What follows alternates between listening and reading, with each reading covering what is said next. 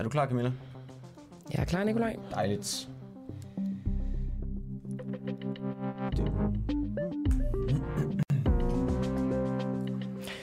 Er Dansk Folkeparti ved at implodere? Det er jo sådan, at øh, vi står foran et øh, formandsopgør, et formandsvalg i Dansk Folkeparti. Det finder sted på søndag. Og forud for det her valg, der øh, har der været mange kontroverser internt i partiet, og øh, vi har haft ganske meget fokus på det her valg her på den uafhængige. Og således også i dag, hvor at vi lægger ud med et interview, som vores øh, reporter Clara Vind har lavet med Dansk Folkepartis tidligere mangeårige næstformand Søren Espersen og nuværende MF'er. Det er ikke acceptabelt, at Morten Messersmith kaldte Pernille Vermund for en førsteklasses killing. Sådan lyder det for Søren Espersen i det her ret følelsesladede interview, som øh, Clara Vind har lavet. Og først, der spørger Clara Søren Espersen, om han mener, at Marie Kraup skal finde sig et andet parti, når hun tror med at melde sig ud, hvis Morten Messersmith bliver formand Marie Kraup, som jo er en anden af DF toppersonlighederne. Lad os bare høre, hvad, hun, hvad han svarede her. Nej, det gør jeg bestemt ikke. Øh, det er bare en, en opfordring til, at man husker det. At man husker, at, øh, at det, der, det virker, virker så negativt på, på det hele, når man siger på forhånd, hvis den eller den bliver formand, så overvejer jeg mit, mit stilling og sådan noget, så vil jeg måske ikke blive medlem. Så det er, det er egentlig bare sådan sagt bredt, og ikke specielt rettet mod, mod Marie. Jeg mener bare, at der er jo kun egentlig øh, øh, to mennesker, der er ude at sige, at de overvejer at stifte et nyt parti, hvis øh, Messerschmidt han bliver formand, og det er jo Marie Krav og Martin Henriksen sammen. Og det er ikke dem, du med, det her det er henvendt til? Jo, det er også dem, men det er ikke det er bare en opfordring til, at man tænker sig om, inden man, man begynder på den slags. Det havde de jo så, så gjort det, inden jeg havde mulighed for at sige det. Har du snakket med dem om det? Nej, det har jeg ikke. Jeg er sygemeldt i øjeblikket. kommer slet ikke ind på Christiansborg de næste par uger. Nå, det er jeg ked af at høre. Det er corona? Nej, det, nej, det er det ikke. Det er et diskusprolaps. Så det, det er jeg godt nok ked af at høre, sådan. Ja, skidt med det. Men, øhm... Nej, altså, jeg, jeg kommer ikke til at tale med dem, men det er jeg nu bare ked af, selvfølgelig, for jeg vil gerne tale med alle i vores parti. Jeg synes, ja. det er det vigtigste, vi, vi samler os nu. Hvem peger du på? Hvad siger du? Hvem peger du på? Jamen, det vil jeg ikke sige. Øh... Hvor, hvor meget ja. synes du egentlig, det her personfnider, der har været, har fyldt? Alt for meget. Og, og det er også fordi, vi er jo ikke, vi er ikke vant til det her vi har jo ikke aldrig rigtig prøvet det før at have en almindelig kampvalg, men hvis man ser bort fra et, et par nederheder og så videre, der, der er sendt afsted, så er det jo bare en ganske almindelig demokratisk uh, proces, der er været i gang. Og alle regler og reglementer så er overholdt, så man, man må bare acceptere det, som det er. Det er også baggrund for, at jeg siger, at man, man vil jo ikke altid den, men det er ikke altid den, som man selv støtter, der, der så ender med at... Så det er altså det er svært at gøre på andre måder. Man er nødt til at, at være fornuftig omkring det og stille og roligt. Du kunne ikke overveje at, at forlade partiet, hvis den, du ikke stemmer på, bliver formand? Nej, det kunne jeg ikke. Det der, er ikke, ikke. Det, der vil ikke være det, noget, der vil kunne få dig til at forlade øh, Dansk Folkeparti efter valget? Ikke, ikke det, altså det, man ved jo ikke, hvad der sker hen ad vejen. Altså det er jo det, er det der er så interessant, hvis, hvis den ene eller den anden bliver formand, øh, hvordan det så kommer til at forløbe. Men men umiddelbart, når valget er kommet, så vil jeg rejse mig op, hvis jeg kunne, og, og klappe, klappe af vedkommende. Det er det, jeg synes, man skal gøre. Og det er også noget, jeg opfordrer flere af mine kolleger til sådan i telefonen. Du, du har været med helt siden start, Søren. Hvad, hvad tror ja. du er, kommer til at blive den største udfordring i fremtiden for Dansk Folkeparti? Det er sammenholdet. Øh, og hvis ikke vi kan magte det, så, så, så går det ikke længere. Øh, det har egentlig altid været et kendetegn for os, at vi har, vi har det samme, og vi kunne tale frit til hinanden osv. Så, videre. så hvis det begynder at blive ændret, og det hele bliver anderledes, sådan, så kan man jo aldrig vide, hvad der sker. Men, men for partiets skyld, der er sammenhold det aller, aller vigtigste, at man selvfølgelig står op sammen om den formand, der nu er valgt, og så får det sin, sin gang. I øvrigt skal du vide, at øh, resten, resten af gruppebestyrelsen jo jo først vælges på, års, øh, år, hvad hedder, på sommergruppemøde i august. Og det vil sige, at den gruppe øh, der bestyrelse, der sidder nu, kommer til at fortsætte. Mm. Det eneste, der sker, det er, at Christian øh, udtræder af, af gruppebestyrelsen, og så er der sådan en ledig plads, som, man så må se at få udfyldt. Men det sker jo ved, at, øh, at gruppen stemmer om det, øh, hvem det er, der skal ind som, som den sidste brik i, i gruppestyrelsen, som jo består af fem mand. Mm.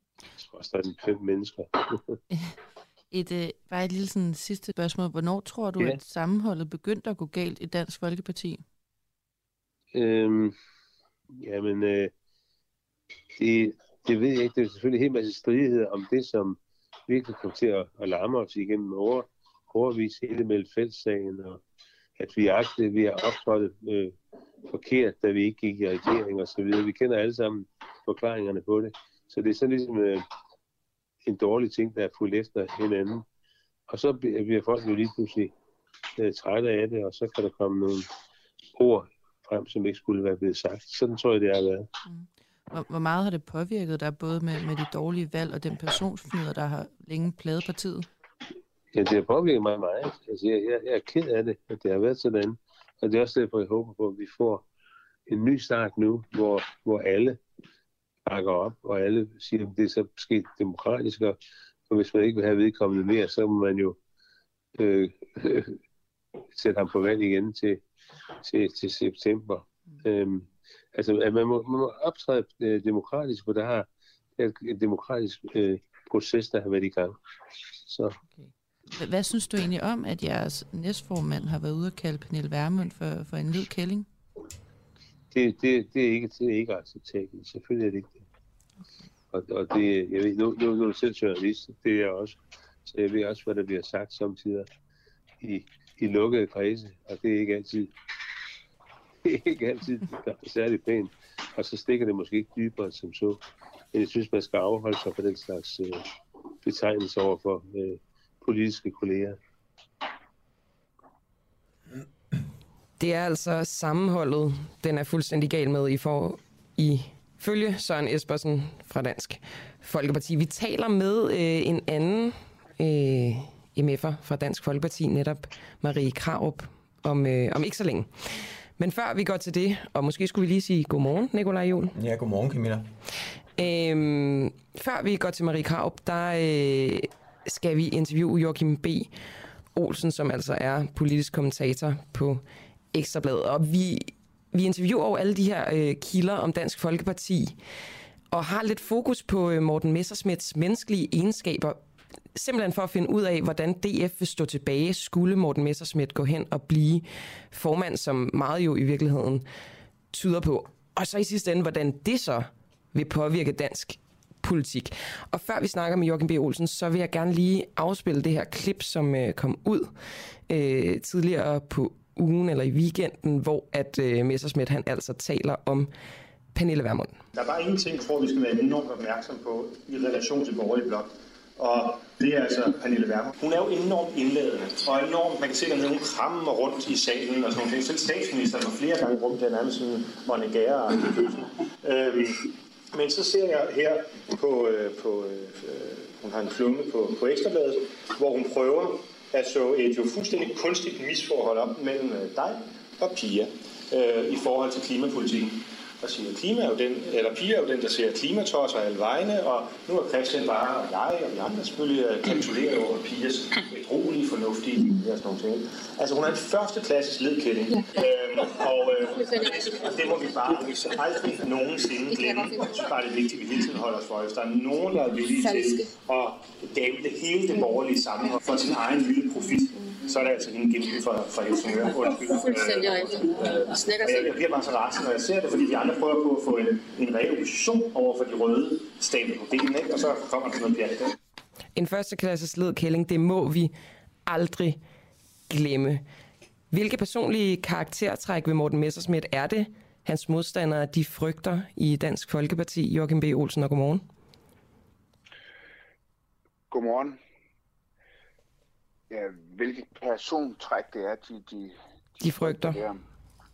Altså, når man taler med folk, også i Dansk Folkeparti, i, om Morten Messerschmidt, altså også hans modstandere, så, så beskriver de ham, jo ham som en, der er, altså, der er virkelig dygtig, en dygtig debattør, øh, meget, meget vidende.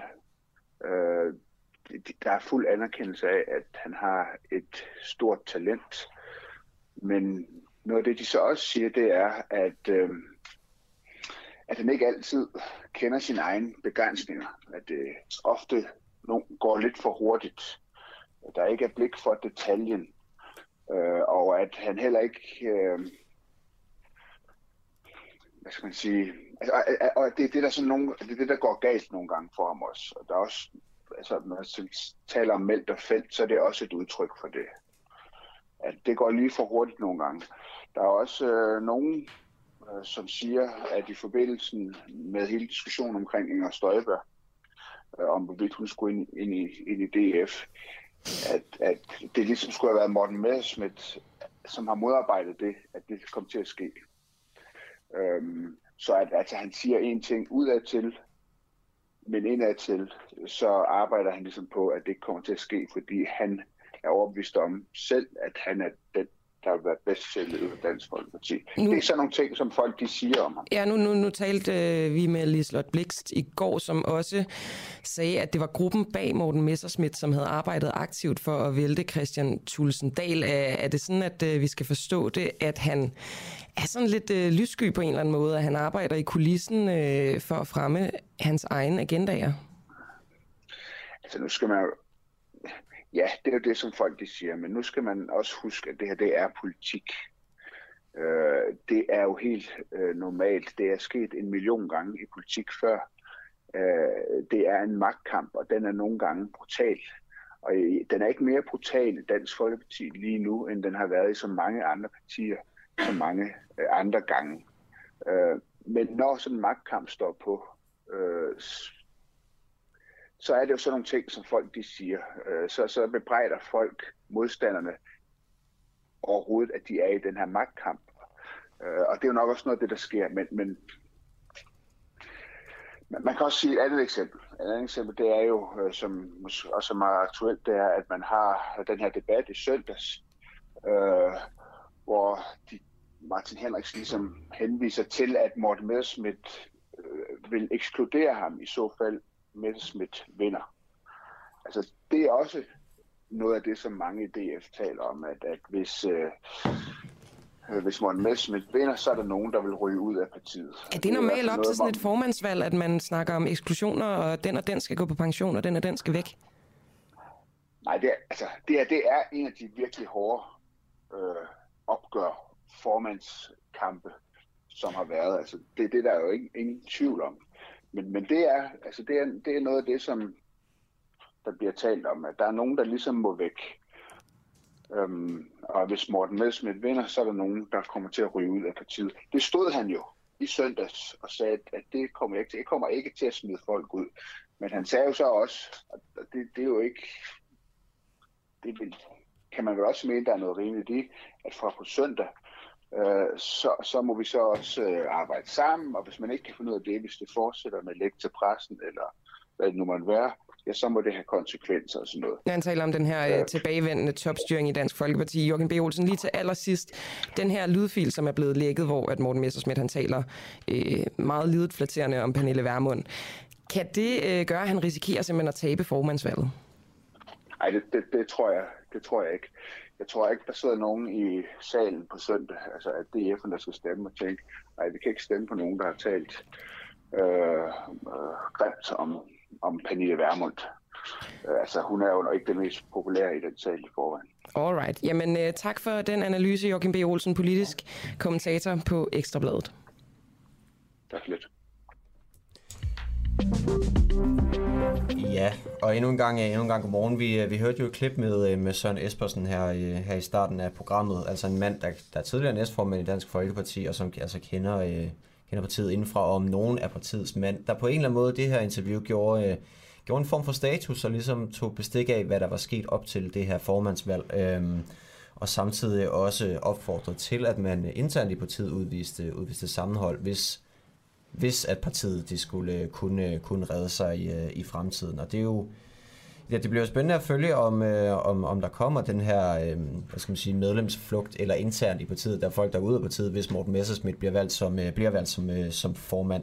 Det bliver meget, meget interessant at følge, og det er jo så her, øh, her i weekenden, at øh, Dansk Folkeparti afholder det her ekstraordinære årsmøde, hvor man altså skal vælge en ny, øh, en ny formand, hvor øh, Mm. Erik Høgh har, øh, har trukket sig. Der har han. Tilbage står Marete Dea Larsen, Martin Henriksen og altså Morten Messerschmidt. En, der ikke støtter Morten Messerschmidt som formand, det er dig, Marie Krav. Hvilke persontræk er det ved Morten Messerschmidt, som gør ham til en ikke kvalificeret formand? Jamen det, jeg har sagt, det er jo, at jeg synes jo, at der er ikke så stor forskel på politikken. Altså der er ingen tvivl om, at Morten Messersmith er en lille smule mere øh, liberal end øh, Martin Henriksen. Øh, men det er først og fremmest øh, det, det, det personlige, og det er jo det, at Morten Messersmith står foran en retssag og øh, selv har, øh, har fået en dom, som godt nok er blevet annulleret, men trods alt har fået en dom, og formentlig kan se frem til at få en, en ny dom, som jeg synes er det helt, helt store problem. Jeg synes simpelthen ikke, det er moralsk rigtigt at stille sig til rådighed som formand for et parti, når man har det i bagagen. Er retssagen det eneste ved hans øh, karakter? Du siger, at det er amoralsk, at han stiller sig til rådighed som formand. Er retssagen det eneste ved hans karakter, som gør ham øh, ikke kvalificeret? Nej, jeg mener også, at øh, han har haft muligheden for at bevise, at han kan lede nede i EU, og det er ikke lykkedes. Så, øh, så der er nogle ting, der, der gør ham mindre egnet, ligesom han jo har, har modarbejdet den nuværende ledelse og været øh, illoyal, og derfor er det jo et stort problem. Er det et stort problem at at stå- modarbejde en ledelse, som jo tydeligvis ikke har fungeret? Øh, nej, men det er ikke rigtigt. Ledelsen har fungeret. Og det er der ingen tvivl om. Det har været en super god ledelse. Øh, så så det, det er slet ikke rigtigt, men man kan selvfølgelig være øh, enig eller uenig i den politiske kurs. Derfor har vi også haft en lang række debatter øh, og haft det meget åbent. Øh, internt i gruppen selvfølgelig. Vi har selvfølgelig altid holdt sådan noget internt, men så er der netop nogen, der har ligget. Og det har været meget problematisk. Har Morten Øh. Messerschmidt øh, været med til at lægge ting? Det kan vi ikke vide. Altså, og jeg vil ikke sidde og påstå, at den ene eller den anden fløj har ligget. Det man kan se er, at der er blevet skrevet og blevet givet... Øh, Hvorfor egentlig ikke. Marie Krav? Det er jeg lidt nysgerrig på, fordi der bliver spekuleret enormt meget i både læk og alt muligt andet. Hvorfor siger I egentlig ikke bare, hvem det er, der står bag, i stedet for at mistænkeliggøre? Jamen, det er fordi, der er ikke nogen, der alle? ved det. Okay. Dem, der har gjort det, må Øh, vide det, går ud fra. Men, men der er selvfølgelig en hel masse spekulationer, men det har jeg da ikke lyst til at indvige jer i. Altså, jeg deltager ikke i spekulationer. Jeg synes, man skal, man skal, eller det vil jeg gerne gøre internt, fordi selvfølgelig er jeg også interesseret i at finde ud af, hvem det er.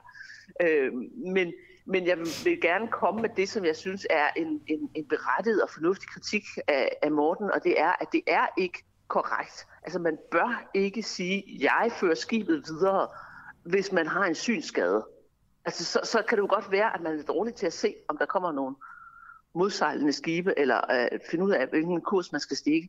Og det er lidt det, der er her. Her har vi en person, som altså jo kan se frem til at øh, måske at blive dømt om kort tid, og som i hvert fald har fået en dom, og dermed jo efter min mening burde have trukket sig, fordi man kan ikke være formand for et parti, for et parti når man er dømt. Det skal man ud og øh, ligesom renses, enten ved at tage sin straf, hvis man får en straf, eller øh, ved at blive genvalgt. Nu, nu nævner du ikke det her øh, også lækkede øh, klip med Morten Messerschmidt, hvor han altså taler ikke så pænt om Pernille Vermund. Har Morten Messerschmidt nogensinde talt grimt til dig, Marie Kraup? Overhovedet ikke. Nej, jeg har et fint forhold til Messerschmidt. Øh, så det er overhovedet ikke noget med det der at gøre. Har du Øh, overvejet, at han har talt ikke særlig pænt til andre? Øh, nej, det har jeg ikke. Altså, slet ikke. Men der er der en, en fri tone til vores gruppemøder, det synes jeg også, der skal være. Øh, det, Altså det en har jeg ikke, ikke som, noget. øh, hvor ord som førsteklasses kælling bliver brugt. Øh, synes du, at den tone skal herske? Nå, det der, det der kan jeg overhovedet ikke huske. Altså, jeg synes, man skal kunne sige, hvad man, hvad man føler og mener. Det har jeg intet Også at bruge betegnelser om øh, politiske modstandere og kollegaer. Jeg synes, at man skal kunne tale helt frit, og hvis man har et, øh, er et skide dårligt humør den dag, altså, så kan det godt være, at man kommer til at sige noget, noget surt. Er det min Altså, tolkning, hvis det- jeg siger, det- at det- du siger, at det er okay, at Morten Messerschmidt kalder Pernille Vermund en førsteklasses ledkælling? Ved du hvad, jeg vil, det, vil jeg ikke, det vil jeg ikke fordømme, det vil jeg kritisere, fordi han har måske været sur den dag, og så kommer det ud på den måde, og det, der ikke, det kan man jo aldrig altså, stå ved at stå og sige, men hvis man står der og er pissesur, altså det har jeg ikke det store problem. Det, det er slet ikke det, det ligger i.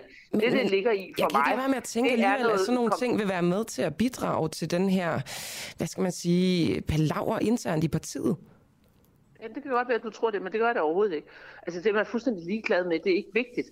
Det, der er vigtigt, det er nogle store og mere principielle ting. Det er partiets kurs, og så er det selvfølgelig, om den person, som stiller sig til rådighed, rent faktisk er i stand til at føre skibet videre. Og man skal ikke stille sig til rådighed, hvis man ikke er i stand til det. Og min vurdering er, at det er Messerschmidt desværre ikke, trods sine fantastiske kvaliteter. Det er jo også derfor, jeg foreslår, at han skal gå efter posten som politisk ordfører. Og det burde han måske være blevet udnævnt til allerede, da han blev valgt. Øh, Men Marie Krav, politisk efter. ordfører, det er jo også en toppost. Kan man være ja. politisk ordfører, når man har en dom? Det kan man i meget højere grad, fordi så kan man undværes. Så kan man jo altså trække sig i det øjeblik, man får en dom. Men du taler jo om moral, altså du taler om hans moral i forhold til det her, men at han er blevet dømt. Skal man have en, øh, en politisk ordfører, som har dårlig moral? Jamen, jeg synes i høj grad, det her det kan lade sig gøre. Man kan moralsk ikke sætte sig i ledelsen af Dansk Folkeparti og være den øverste leder, når man står foran en dom. Det synes jeg er helt forkert. Men man kan godt være med i partitoppen, når man står over for jeg en synes, dom. Jeg synes i højere grad, man kan være politisk ordfører, ja. Men selvfølgelig, hvis han bliver dømt, så må han trække sig. Det er klart, men en politisk ordfører kan i højere grad øh, erstattes. Og det er jo der, hans, hans fantastiske talent er, fordi Morten er jo en begævelse, en fantastisk begævelse. Og han er fantastisk dygtig til at stå i de debatter øh, nede i Folketingssalen eller på medierne. Og, og der synes jeg, at han skulle bruge sine kræfter, i stedet for at gå ind og være den øverste leder, hvor han jo vil få mindre tid til at deltage i debatterne, og hvor han øh, formentlig vil få rigtig, rigtig svært ved at, øh, at holde sammen på stumperne, og hvor han jo så måske er nødt til at forlade det hele på grund af en dom. Tror du, Marie Kraup, at Dansk Folkeparti havde stået bedre frem mod den her formandskamp, havde I ikke gået ud og ligesom peget på den og den, og sagt, at den og den skulle ekskluderes? Øh, jeg ved ikke, hvem der har sagt, at der er nogen... Altså, jeg har fået nogle trusler om eksklusion, men det er det eneste, jeg har hørt. Ikke? Læge Martin mener, at han bliver ekskluderet af. Jeg kan altså, også se på din ja. egen Facebook, at du... Jeg ved ikke, om man kan kalde det en ekskludering, men du opfordrer i hvert fald to nøglefigurer til at gå på pension, altså Pia Kærsgaard og Christian Det er ikke eksklusion. Det er der overhovedet ikke. Altså. Nej, det er jo den, den regel, som der er også en, der skriver i tråden, som man har blandt præster, at øh, når, den, når man går på pension, altså man ikke længere er præst i sovnet, så skal man give plads til den nye, og det betyder, at man skal ikke bo i sovnet længere. Men og det er vel en de facto eksklusion, hvis nu at Christian Tulsendal og Pia Kærsgaard har lyst til at fortsætte, hvilket øh, det tyder på, ja. at Pia Kærsgaard har en opfordring ja. til at gå på pension. Det er, ja, en det er vel... til ikke Nej, det er det i hvert fald ikke. Eksklusion er noget meget, meget dramatisk, som bliver smidt ud af partiet. Selvfølgelig er det ikke det. Det er en opfordring om at lade være at stille op næste gang. Og det synes jeg er simpelthen bare er ordentlig opførsel. Selvfølgelig skal man ikke blive der, øh, når man, der skal gives plads til ny ledelse. De skal jo have mulighed for at sætte deres eget hold, sætte deres egen kurs og klare ærterne selv, fordi ellers så bliver man ligesom ikke voksen som leder. Men du har alligevel en øh, mening til, hvilket hold det er, der skal sættes. Det er også, at du jo ikke stiller op som formand, sagt, Erik Haup. Jeg, jeg har jo sagt, at jeg synes, at det vil være godt, hvis Martin Henriksen bliver formand. Og så synes jeg, at Morten Messersmiths talenter kan bruges som politisk ordfører. Og det vil være en fantastisk god idé at gøre det. Marie Kraup, du er folketingsmedlem i Dansk Folkeparti. Tak fordi du var med her til morgen. Selv tak.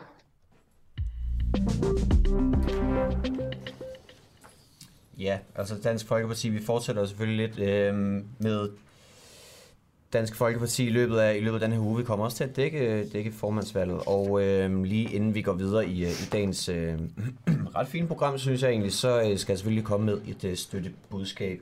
Du lytter altså til den uafhængige. Undskyld, jeg rømmer mig en del. Og hvis du synes, det er vigtigt, at Danmark har et kritisk, øh, kritisk medie, som altså er uden for politikernes øh, hænder, så håber vi, at øh, du, du sidder derude og gerne vil støtte, støtte op om vores, øh, vores skønne projekt, fordi vi får nemlig overhovedet ingen offentlige midler. Og øh, det bryster vi os meget af, det er vi stolte af, fordi øh, vi tror på, at man kan levere kritisk journalistik uden den her, øh, den her famøse statsstøtte. Og øh, du kan altså blive medlem og øh, hjælpe os med at udvikle vores, øh, vores lille projekt her ved at gå ind på duah.dk og melde dig ind. Eller du kan sende en sms til 1245, hvor du skriver U af, og der får du så et, øh, et link, hvor igennem du kan øh, melde dig ind øh, i, den, øh, i den uafhængige som medlem. Det koster 39 kroner om måneden, eller 349 om året ganske billigt i forhold til så mange andre streamingtjenester. Ja, Nikolaj, i dag der har vi jo ja dels, som I nok har gættet, fokus på Dansk Folkeparti, forestående formandsvalg, men altså også fokus på øh, vores indsats i Mali, som der har været, altså det er gået lidt under radaren, kan man sige, andre medier, men som er interessant, fordi dels at vi jo øh, støtter den her militær junta mod øh, jihadistiske grupper, men også fordi, at der er en eller anden form for sandsynlighed for, at vi skal kæmpe side om side med russiske legesoldater, den her Wagner Group. Så det, øh, det kommer vi også til at undersøge i løbet af morgenen. Og faktisk også til at snakke med øh, Martin Åstrup fra Venstre, som har krævet af forsvarsministeren, at vi får nogle klare svar på, om det her altså kan ske for de danske soldater. Men først, der skal vi snakke med Sine Marie Kold Ravnkilde, som er seniorforsker ved Dansk Institut for Internationale Studier. Danmark har jo nemlig sendt 100 specialstyrker til Mali, hvor de skal bekæmpe de her jihadistiske grupper sammen med Malis sikkerhedsstyrker. Den vestlige militære indsats er døbt Frankrigs Afghanistan. Signe Marie Kold Ravnkilde, hvilke lighedspunkter er der mellem operationerne i Mali og i Afghanistan? Og godmorgen. Godmorgen. Ja, altså der er jo nogle lighedspunkter, og selvfølgelig er der også nogle relevante forskelle. Øhm, øh, lighedspunkterne kan være, at de her store øh, internationale missioner, som, som Danmark skal være med i, jo både består af en del, som handler om, at man skal bekæmpe jihadisme, altså de der øh, øh, antiterroroperationer, som går direkte efter ligesom øh, og likvidere ledere. Og så er der den del af det, som er hele den her statsopbygningsdel, øh, som vi også kender fra Afghanistan, kan være enormt svær. Altså det, der hedder nation building. Øhm, og så er det jo selvfølgelig også øh, relevant i den sammenhæng, at øh, det har været et kæmpe nederlag for USA i Afghanistan, øh, og øh, man har jo måttet trække sig ud med meget voldsomme konsekvenser, og det er klart, at de spørgsmål har også øh, stillet sig i Sahel og i, i, i Mali, efter man har været i øh, militær til stede i Mali siden 2013. Det vil sige, at man har været ni år i regionen, øh, og man har bekæmpet terroroperationer. Man rykket ind i første omgang i 13 øh, med øh, noget, som man mente skulle være hurtigt klaret. Og det er jo så bare trukket ud. Øh, og i takt med, at det er trukket ud, så har man øh, så har volden spredt sig. Øh, øh, I starten var det ligesom koncentreret omkring de nordlige regioner i, den, i, i Mali, øh, men derefter er det så ligesom på trods af, at den første militære operation havde held med at rydde de nordlige øh, byer, så har de her øh, jihadistgrupper øh, omgrupperet sig og trukket længere ned i den centrale del af landet, som også grænser op til Niger og Burkina Faso. Og der har det altså spredt sig og eskaleret også ind i, i nabolandene. Så, så det er jo ligesom det der med, at det er sådan en evighedskrig, der, der, der trækker ud. Men så vil jeg bare påpege i forhold til den sammenhæng, der hele tiden er med Afghanistan. Altså på mange måder har Europa jo rigtig meget på spil her, fordi det øh, ligger geografisk tættere på Europa. Der er nogle helt andre historiske, kulturelle øh, bånd mellem For Europa eller for Frankrig, Signe Marie Kold Ravnkilde? Begge dele, vil jeg sige. Altså, øh, nu bor vi jo længere mod nord end lande som Spanien og øh, Italien og Frankrig. Men, men vi er enige om, at Frankrig har en særlig interesse i Mali? Frankrig er den tidligere kolonimagt, så der er nogle helt specifikke øh, og besværlige relationer, som også er dem, vi ser udspillet politisk nu. Og Frankrig har jo øh, ja, øh, kørt en, en, en meget sådan... Øh, øh, hvad skal man sige, lidt neokolonial stil dernede, hvor de sådan gerne vil diktere og sige, hvordan tingene skal være, og det, øh, det er blevet meget kritiseret. Øh, og, ja, og Frankrig er jo meget sådan øh, udskældt og uønsket på nuværende tidspunkt. Og det er et problem. Signe Marie Kold Ravnkild, du, øh, du taler også om det her med, at vi jo lige så vel som i Afghanistan ligesom skal hjælpe Malis regering med at øh, ja, dels komme af med de her altså bygge landet op igen, men det er jo en altså militær junta, der udgør regeringen i Mali. Så, ja. så hvad, hvad, hvad sker der den dag, vi tager vores soldater hjem igen? Altså det, det, som gør det jo, det var det jo faktisk også, der var jo også et statskup i 2012, øh, inden vi rykkede ind, som også var, var noget af det, der gjorde, at det var nemmere for de her jihadister at overtage, fordi der simpelthen bliver så meget tumult i hovedstaden, som ligger i syd, og så skal man vide, at de øh, egne, de her jihadister opererer i, i starten i nord, men også i den centrale del af landet. Det ligger jo ret langt væk. Øhm, så har man haft en, en øh, man, man gennemførte i 13 nogle valg og fik indsat ham i BK, som er død så nylig, som sad i ni år og kun gjorde øh, situationen værre, fordi at han også blev beskyldt for ikke at kunne få sikkerheden under kontrol, korruption og alt det her. Så der har været meget store folkelige protester mod IBK op til, at juntagen kuppede øh, sidste år og der er mange i Mali, der ligesom tror på juntagen, altså som ligesom, øh, især i, den, i de sydlige øh, dele af landet, som ligesom ser dem lidt som deres øh, nye savior, så de er enormt gode til ligesom at mobilisere også på de sociale medier mod Frankrig. Øh, og det er også noget af det, man faktisk er bange for, at er en del af og det er jo meget svært at få dokumentation for, men at en del af pakken med Rusland måske også er at lave kampagner mod Frankrig. Vi har set, øh, vi har set videoer, altså falske videoer produceret, øh, øh, som cirkulerer på de sociale medier, hvor Frankrig er i gang med en eller anden dodgy guldhandel oppe i ørkenen, som, som, som simpelthen ikke er rigtig, men er øh, øh, produceret. Så der bliver gjort meget også for at bluse til de her antifranske følelser. Øhm, og, og derfor, og det er jo det, der er dilemmaet, det er jo, at hvis vi overlader det til juntagen, hvad så? Fordi der er ingen tvivl om, at øh, altså, sikkerhedssituationen er ekstremt øh, vanskelig, og, øh, og de her jihadister står altså stærkere, end, end de har gjort på noget andet tidspunkt. Og så har vi så den her junta, der faktisk gør præcis, hvad den vil. Altså vi har jo øh, i starten har Frankrig haft meget af de her, og vi hører også vores udenrigsminister tale meget om de her røde linjer, vi skal trække, og det vil vi ikke. Og så hvis de gør det, så vil vi ikke mere, osv. osv. Men de facto har det været ekstremt svært at overholde nogen som helst røde linjer, fordi at man er så investeret, og, og fordi det er en, en region med, som sagt, tætte bånd til, til Europa på alle mulige måder. Og altså også en region, hvor vi har 100 specialstyrker, danske soldater fra Jægerkorps indgår i den her taskforce, mm. øh, Tabuka, som er øh, fransk mm. Ledet. Og det, jeg synes er interessant, for det lyder jo øh, utrolig rodet i virkeligheden, det her med, jamen vi skal ned og hjælpe nogen, men, men vi hjælper også nogen, som har bånd til, til Rusland og som modarbejder på kryds og tværs. Men ja, det, jeg egentlig godt kunne tænke mig at vide... Ja, ja, ja. Men, men det, jeg ja. godt kunne tænke mig at vide, det er, om de mm. regeringsstyrker, som vi er nede og støtte, dræber de lige så mange civile som jihadist-terrorgrupperne? Ja, altså det er der jo fuldstændig... Altså nu er kald for sådan et her øh, område jo ekstremt svære i kraft af, at det er krig, og det er vanskeligt tilgængeligt af den grund. Men ja, der er masser af eksempler på, at øh, sikkerhedsstyrkerne begår overgreb på civile. Og der skal man jo forstå det her med, at da de her disgrupperne rykkede ind, der, det de gør, det er, at de slår stats, alle repræsentanter for staten, for skolerne, øh, skolerne er lukket i hele MOP til regionen. Vi taler måske 700 skoler, men de er gået specifikt, når de går ind i et territorium, så går de specifikt efter at erstatte staten. Ved først at udradere den, dens repræsentanter, borgmestre, alle lokale repræsentanter af staten. Så, så i kraft med, at Øh, og i takt med, at der også har været de her internationale styrker, som har hjulpet Malis stat, så har det gjort det muligt for staten gradvist at trænge tilbage ind i de her områder.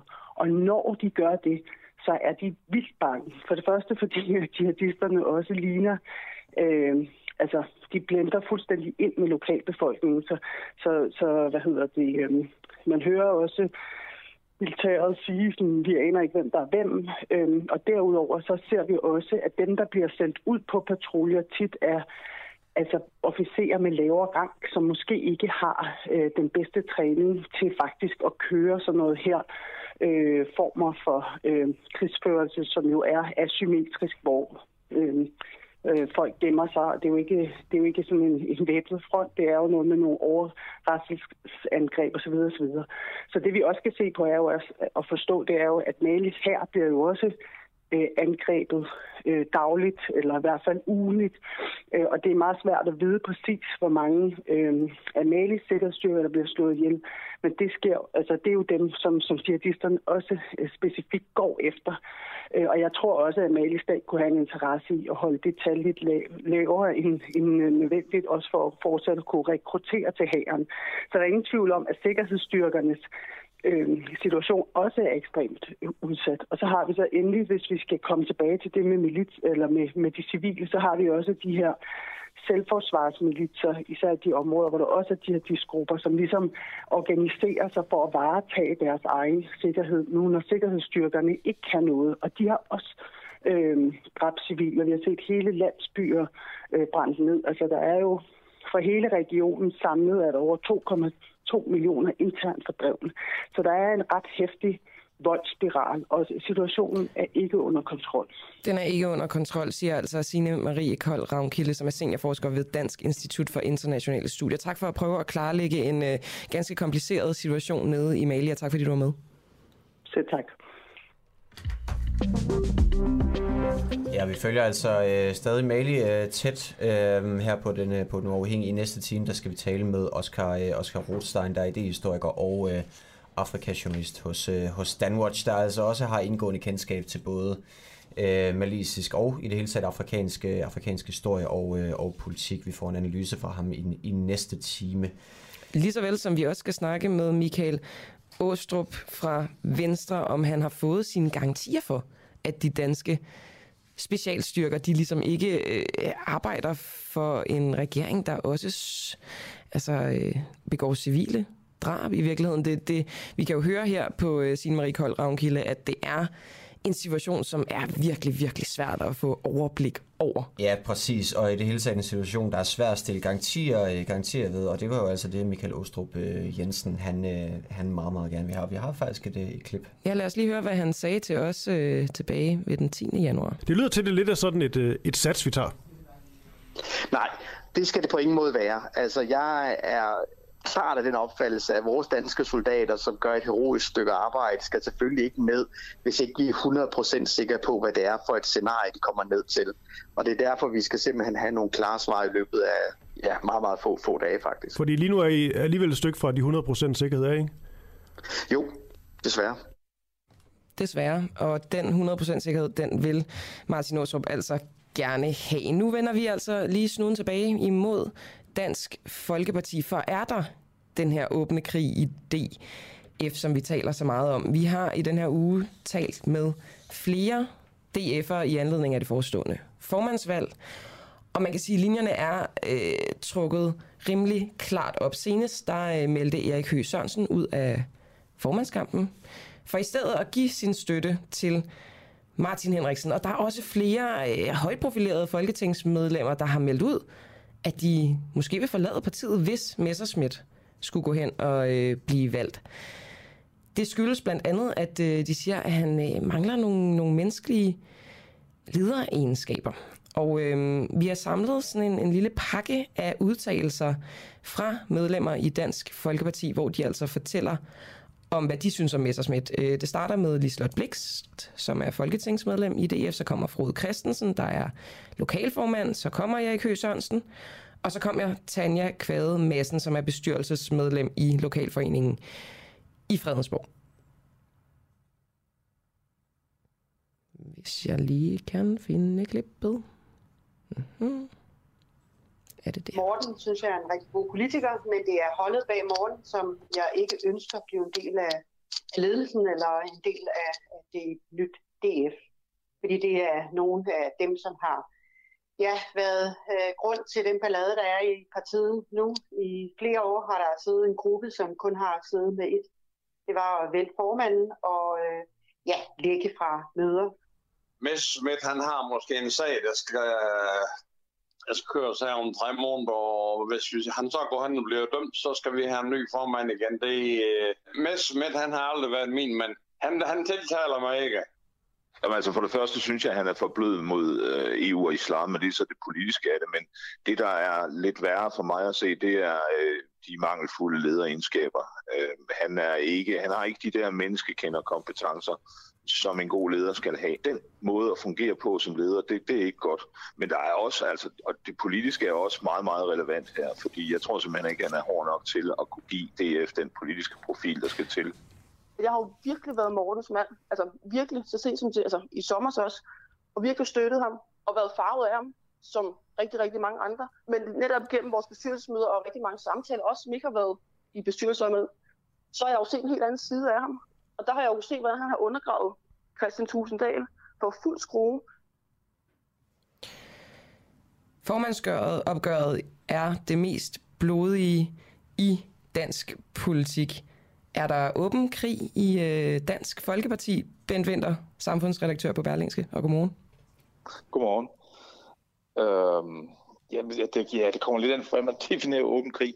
Altså, meget af det, der sker lige nu, er jo selvfølgelig en optag til øh, formandsvalget på søndag, hvor øh, der er nogen, der, der, der kan man sige, benytter lejligheden til at bruge nogle, øh, øh eller komme med nogle udtalelser og bruge nogle metoder. Vi har set nogle, nogle læk af, af, af, af nogle lydoptagelser og nogle private mails, som er havnet i pressen. Så, så, så noget af det handler jo om det formandsopgør, der kommer på, på søndag, hvor, hvor der er nogen, der bruger nogle metoder, som vi ikke har set før, øh, og slet ikke i Dansk Folkeparti, som altid har været meget topstyret.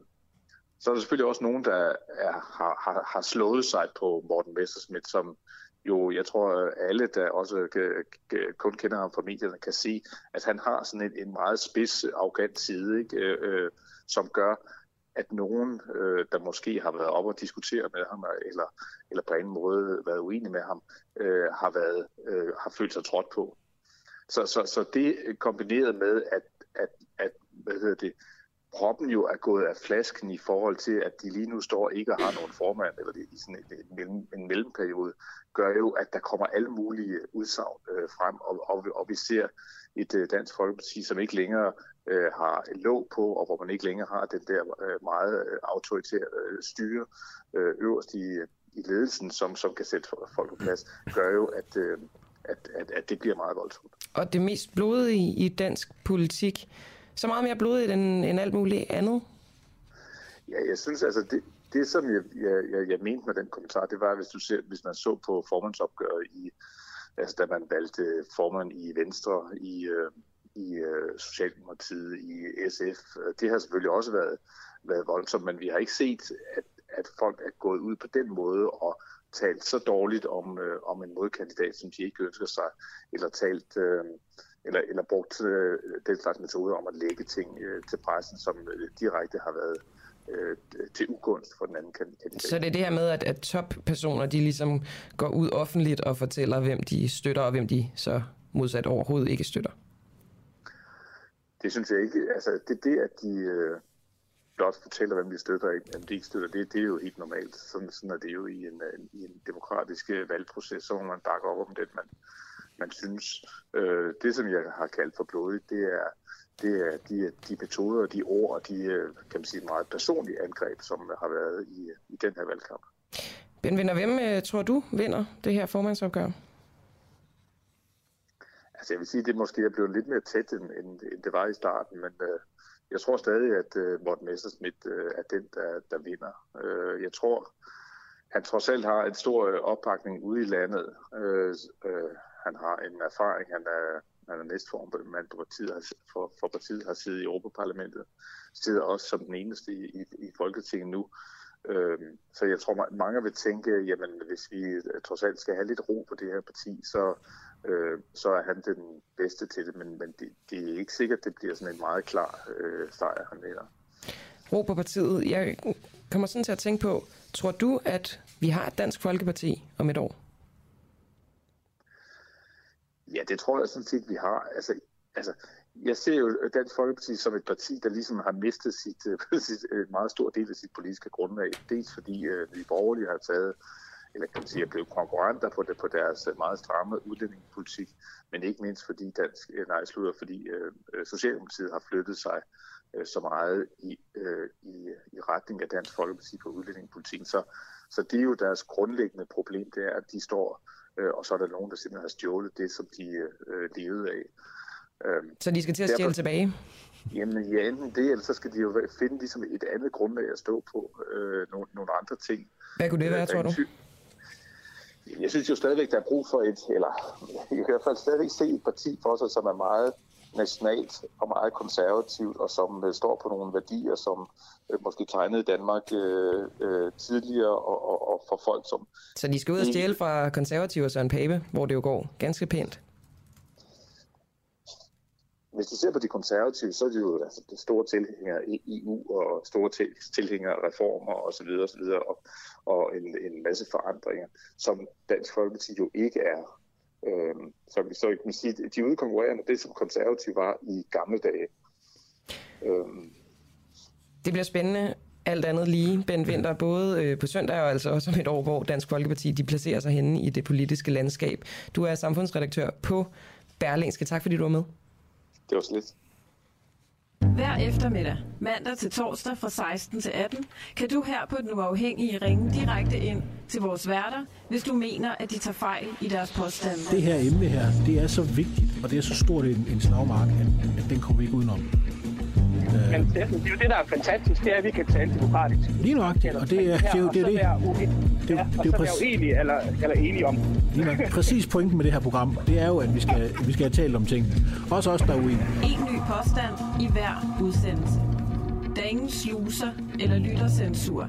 Du kommer direkte igennem, og alt er tilladt, så længe du er uenig. Ja, nu, nu siger noget sådan meget direkte. Jeg, nu har jeg prøvet både, både at have folk, der øh, synes, jeg er en kæmpe idiot, øh, og så har jeg også prøvet at få nogen på hovedet. Jeg har været dørmænd i 10 år. Jeg, jeg har fået øh, rigeligt rigelig med øh, knytnæver til ansigtet. In the name of God, go. De ord, de tilhører øh, Boris Johnsons partifælle og tidligere Brexit-minister og, kan man sige, konservativ sværvægter i Storbritannien, David Davis. Og øh, grunden til, at han udtaler de her ord, det er jo fordi, at Boris Johnson han er i lidt af et modvær, kan man sige. En storm i virkeligheden. Ja, fordi han har valgt at simpelthen øh, afholde og deltage i ja, forskellige arrangementer under øh, det ret stramme lockdown, som øh, Storbritannien altså har været underlagt endda øh, holdt et garden party for 100 mennesker med alkohol involveret på et tidspunkt, hvor at man altså skulle begrænse det at være sammen med andre mennesker til to og to, og altså med rigtig meget afstand udenfor. I går der øh, tunede jeg ind på øh, den høring, der var i det britiske parlament, og det var altid en fest, fordi de råber og skriger modsat også pæne danskere, som taler i et nogenlunde toneleje og stemmeleje til hinanden i hvert fald inde i Folketinget. Jakob øh, Illeborg, du er BT's internationale korrespondent og bosat i London. Er Boris Johnson færdig efter, at han fik lidt af en øh, restning i parlamentet i går, og godmorgen? Godmorgen. Øh, han er i hvert fald hårdt prøvet. Jeg tror, man kan sige, at hvis han sad løst i sadlen for en uge siden, så hænger han og dinger ned under hesten nu. Men, men han er også en overlever, og, og det viste han på sin vis igen, og han, og han er på sin vis også heldig lige nu. Fordi det, der også skete i går, det var, at et uh, Labour-medlem uh, hoppede skib, altså gik, undskyld, det konservative medlem hoppede skib gik fra den konservative bænk over til Labour lige før Prime Minister's Questions. Øh, og, og i virkeligheden så gjorde det, at de andre, flere andre konservative valgte at slå ring, ikke så meget rundt om Boris Johnson, men om partiet, de konservative.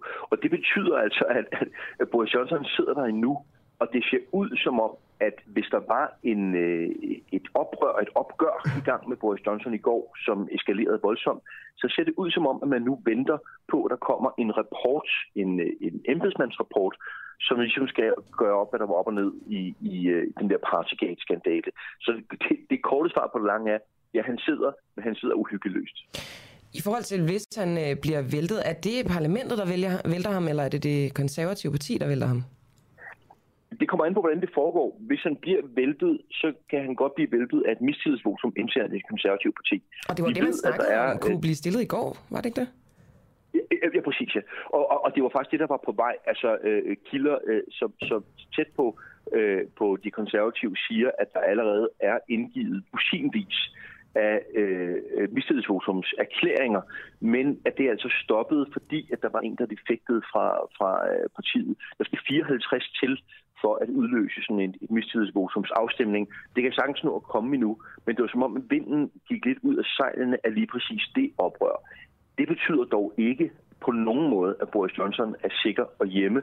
Det betyder bare, at det måske godt kan tage lidt længere tid, før det her opgør kom. Man troede faktisk i går, at det ville komme, måske i går eller i dag. Øh, Jakob Illeborg, nu spørger jeg bare lige, altså, er en af grundene til, at man ikke har væltet Boris Johnson endnu, er fordi man ikke har en aftager, eller fordi man i, i øh, det konservative parti simpelthen bare vil sidde på, øh, på magten i parlamentet? Det, det er i hvert fald en, en, en rigtig god grund til det. Der er to øh, oplagte kandidater. Det ene, det er finansminister Rishi Sunak, og det andet, det er udenrigsminister Liz Truss. Begge to er, er gode navne, men de er ikke brandvarme kartofler. Og det vil sige, at der er ikke nogen, der er ikke nogen garanti, der er ingen, der føler sig sikre på, at de vil kunne øh, få en masse stemmer hjem og sikre øh, parlamentarikerne sæder ved næste valg. Og det er jo et eller andet sted, det det handler om. Hvor salgbar er lederen? Boris Johnson har været helt uhyggeligt salgbar. Øh, og derfor er det også en meget stor beslutning at smide ham på porten. Man skal dog sige, at det er sket før i det konservative parti. Dem, der er så gamle, de kan huske Margaret Thatcher, der var det præcis det, der skete. Øh, så, så, så ja, det, det, svaret igen er, det er fordi, der ikke har været en, en, helt klar aftager, men Boris Johnson er ifølge alle de meningsmålinger, der har været nu, en lænke om benet på det konservative parti, i hvert fald som det hed. Det her med, at han øh, er så salgbar, at han er en overlever, han har ni liv, man taler meget om alt det her med Boris ja. Johnson. Hvordan det? Fordi han fremstår jo sådan lige ved første øjekast, er han jo lidt en, hvad skal man sige, en speciel karakter på en eller anden måde. Hvad, hvad er det, der gør, ja. at han bliver ved med at overleve? Det, det, det, det er svært konkret at svare på. Altså, som du siger, Boris the Catch er han blevet kaldt øh, på grund af de ni liv. Øh, og og de, bliver, de er jo opbrugt på et eller andet tidspunkt, men man kan sige, at han har, han har først været heldig. Sidste år, øh, øh, da han var enormt presset, der øh, udviklede britterne som de første covid-vaccinen, som han så kunne sole sig i. Øh, og det var bare et eksempel på, hvordan han kom ud ved tilfælde af øh, af en, en Jeopardy, han sad i. Øh, og på samme måde kan man sige, at det var også hans held i går, at en øh, konservativ hoppede skib, fordi øh, det var faktisk det, der, der gjorde, at vinden gik lidt ud af, af, af sejlene. Men ellers så er det jo nok fordi, at han, Boris Johnson er et, et, meget særligt politisk dyr med sit øh, vildre øh, blonde hår og sin evne til at, at tale øh, oldgræsk øh, flydende. Og, og han har sådan en, en meget britisk appel til mange vælgere. Han har sådan lidt larger-than-life-figur over sig. Øh, så, så, så, så personagen Boris Johnson har bare vist sig selvbare ting tænk tilbage til Brexit. Uden Boris Johnson i spidsen, der var en Brexit næppe sket i 2016 øh, ved valget. Så, så han, han, og, og i valget i 2019, der fejrer han oppositionen øh, væk. Så han har altså noget helt særligt, og det er jo det, de konservative er bange for at miste nu. David Davis sagde øh, i går, in the name of God, go. Og det er jo så en opfordring yeah. til, at han selv skal gå. Er der en chance, Jacob Billeborg, for at Boris Johnson, han simpelthen selv siger goodbye?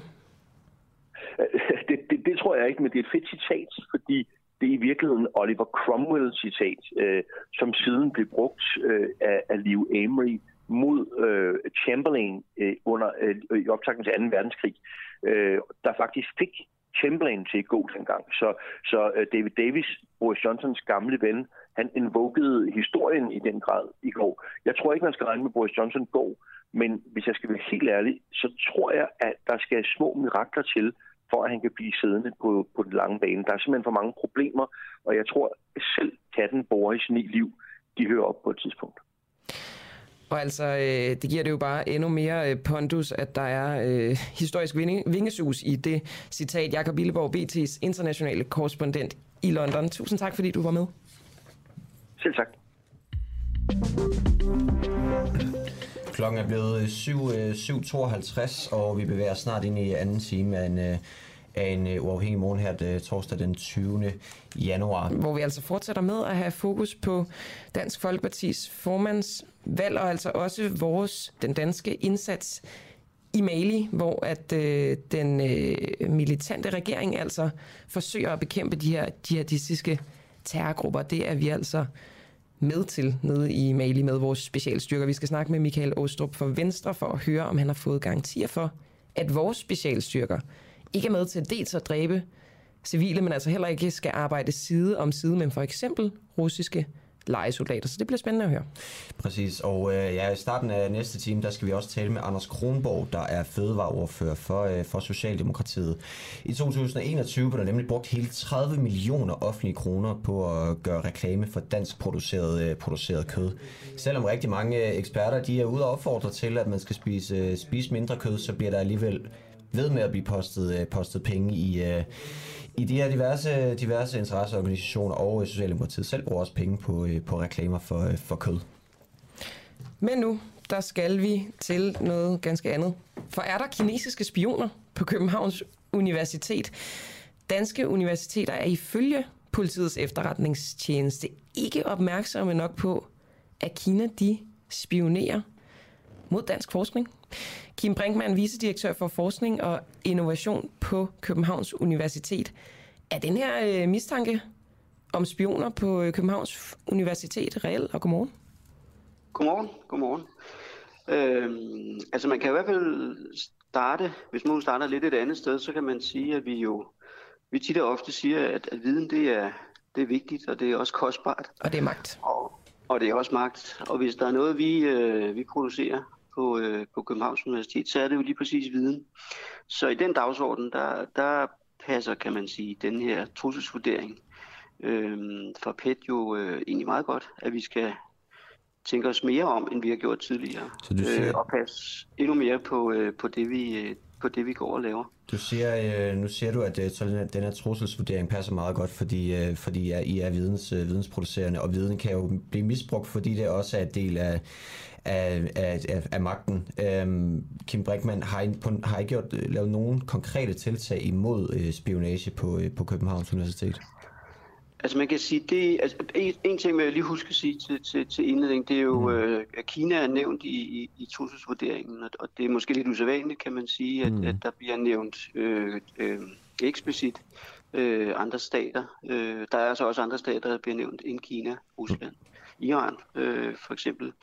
Men man kan sige, det, det, det hvor vi indtil videre nok har haft størst opmærksomhed, det er i virkeligheden på øh, det, man kan kalde datasikkerhed og, og IT-sikkerhed. altså det, der sker omkring vores, øh, hele vores IT-system og hele vores IT-infrastruktur. Og hvad har I konkret Det gjort handler- for det- at, at det- imødegå det Jamen, bare lige, det, det handler sådan set jo, det, det handler så ikke kun om spionage, det handler om, at der er øh, jo nærmest dagligt øh, eksempler på, øh, på folk, der forsøger at komme ind i vores systemer eller på at hacke dem. Så, så de angreb øh, forsøger vi jo, ligesom mange andre, at, at forsvare os øh, imod det bedste, det bedste, vi kan. Ja, nu siger du selv, øh, Kim Brinkmann, at det er, at det er lidt, lidt kontroversielt, at man eksplicit nævner øh, nationaliteterne på, på, på de forskere, der man mener forsøger at udføre spionage. Og det er jo fordi, at der er mindst 30 forskere, øh, der ifølge kinesiske kilder er blevet øh, rekrutteret i, øh, i Danmark. Og de her angreb, der er, der er på jeres IT-systemer, ved I noget om, om de er kinesiske, eller hvor, øh, hvor de kommer fra?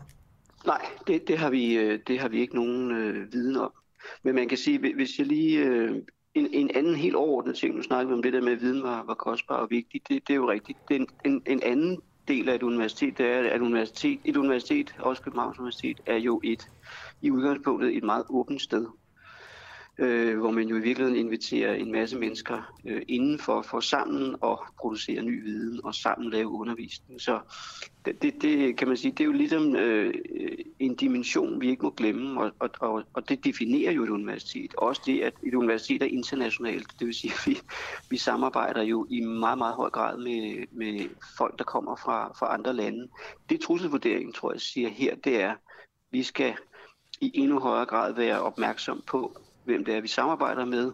Vi skal være opmærksom på, hvad det er for nogle interesser, der indgår i sådan et samarbejde Mm. øh, fra, fra dem, vi samarbejder med. Det, det tror jeg sådan står rimelig klart efter, efter trusselsvurderingen her. Mm, men og, og Kim Øh. Brinkmann, vi kan, jo, vi kan jo godt blive enige om det, at det åbne universitet er en god ting, og vidensdeling nød, nødvendigvis også er en, øh, er en god ting. Samarbejde er også en god ting i forhold til, øh, til vidensdeling, men jeg vil alligevel lige nødt til at holde dig fast på, om der er nogle konkrete tiltag fra Københavns Universitet for at modarbejde spionage.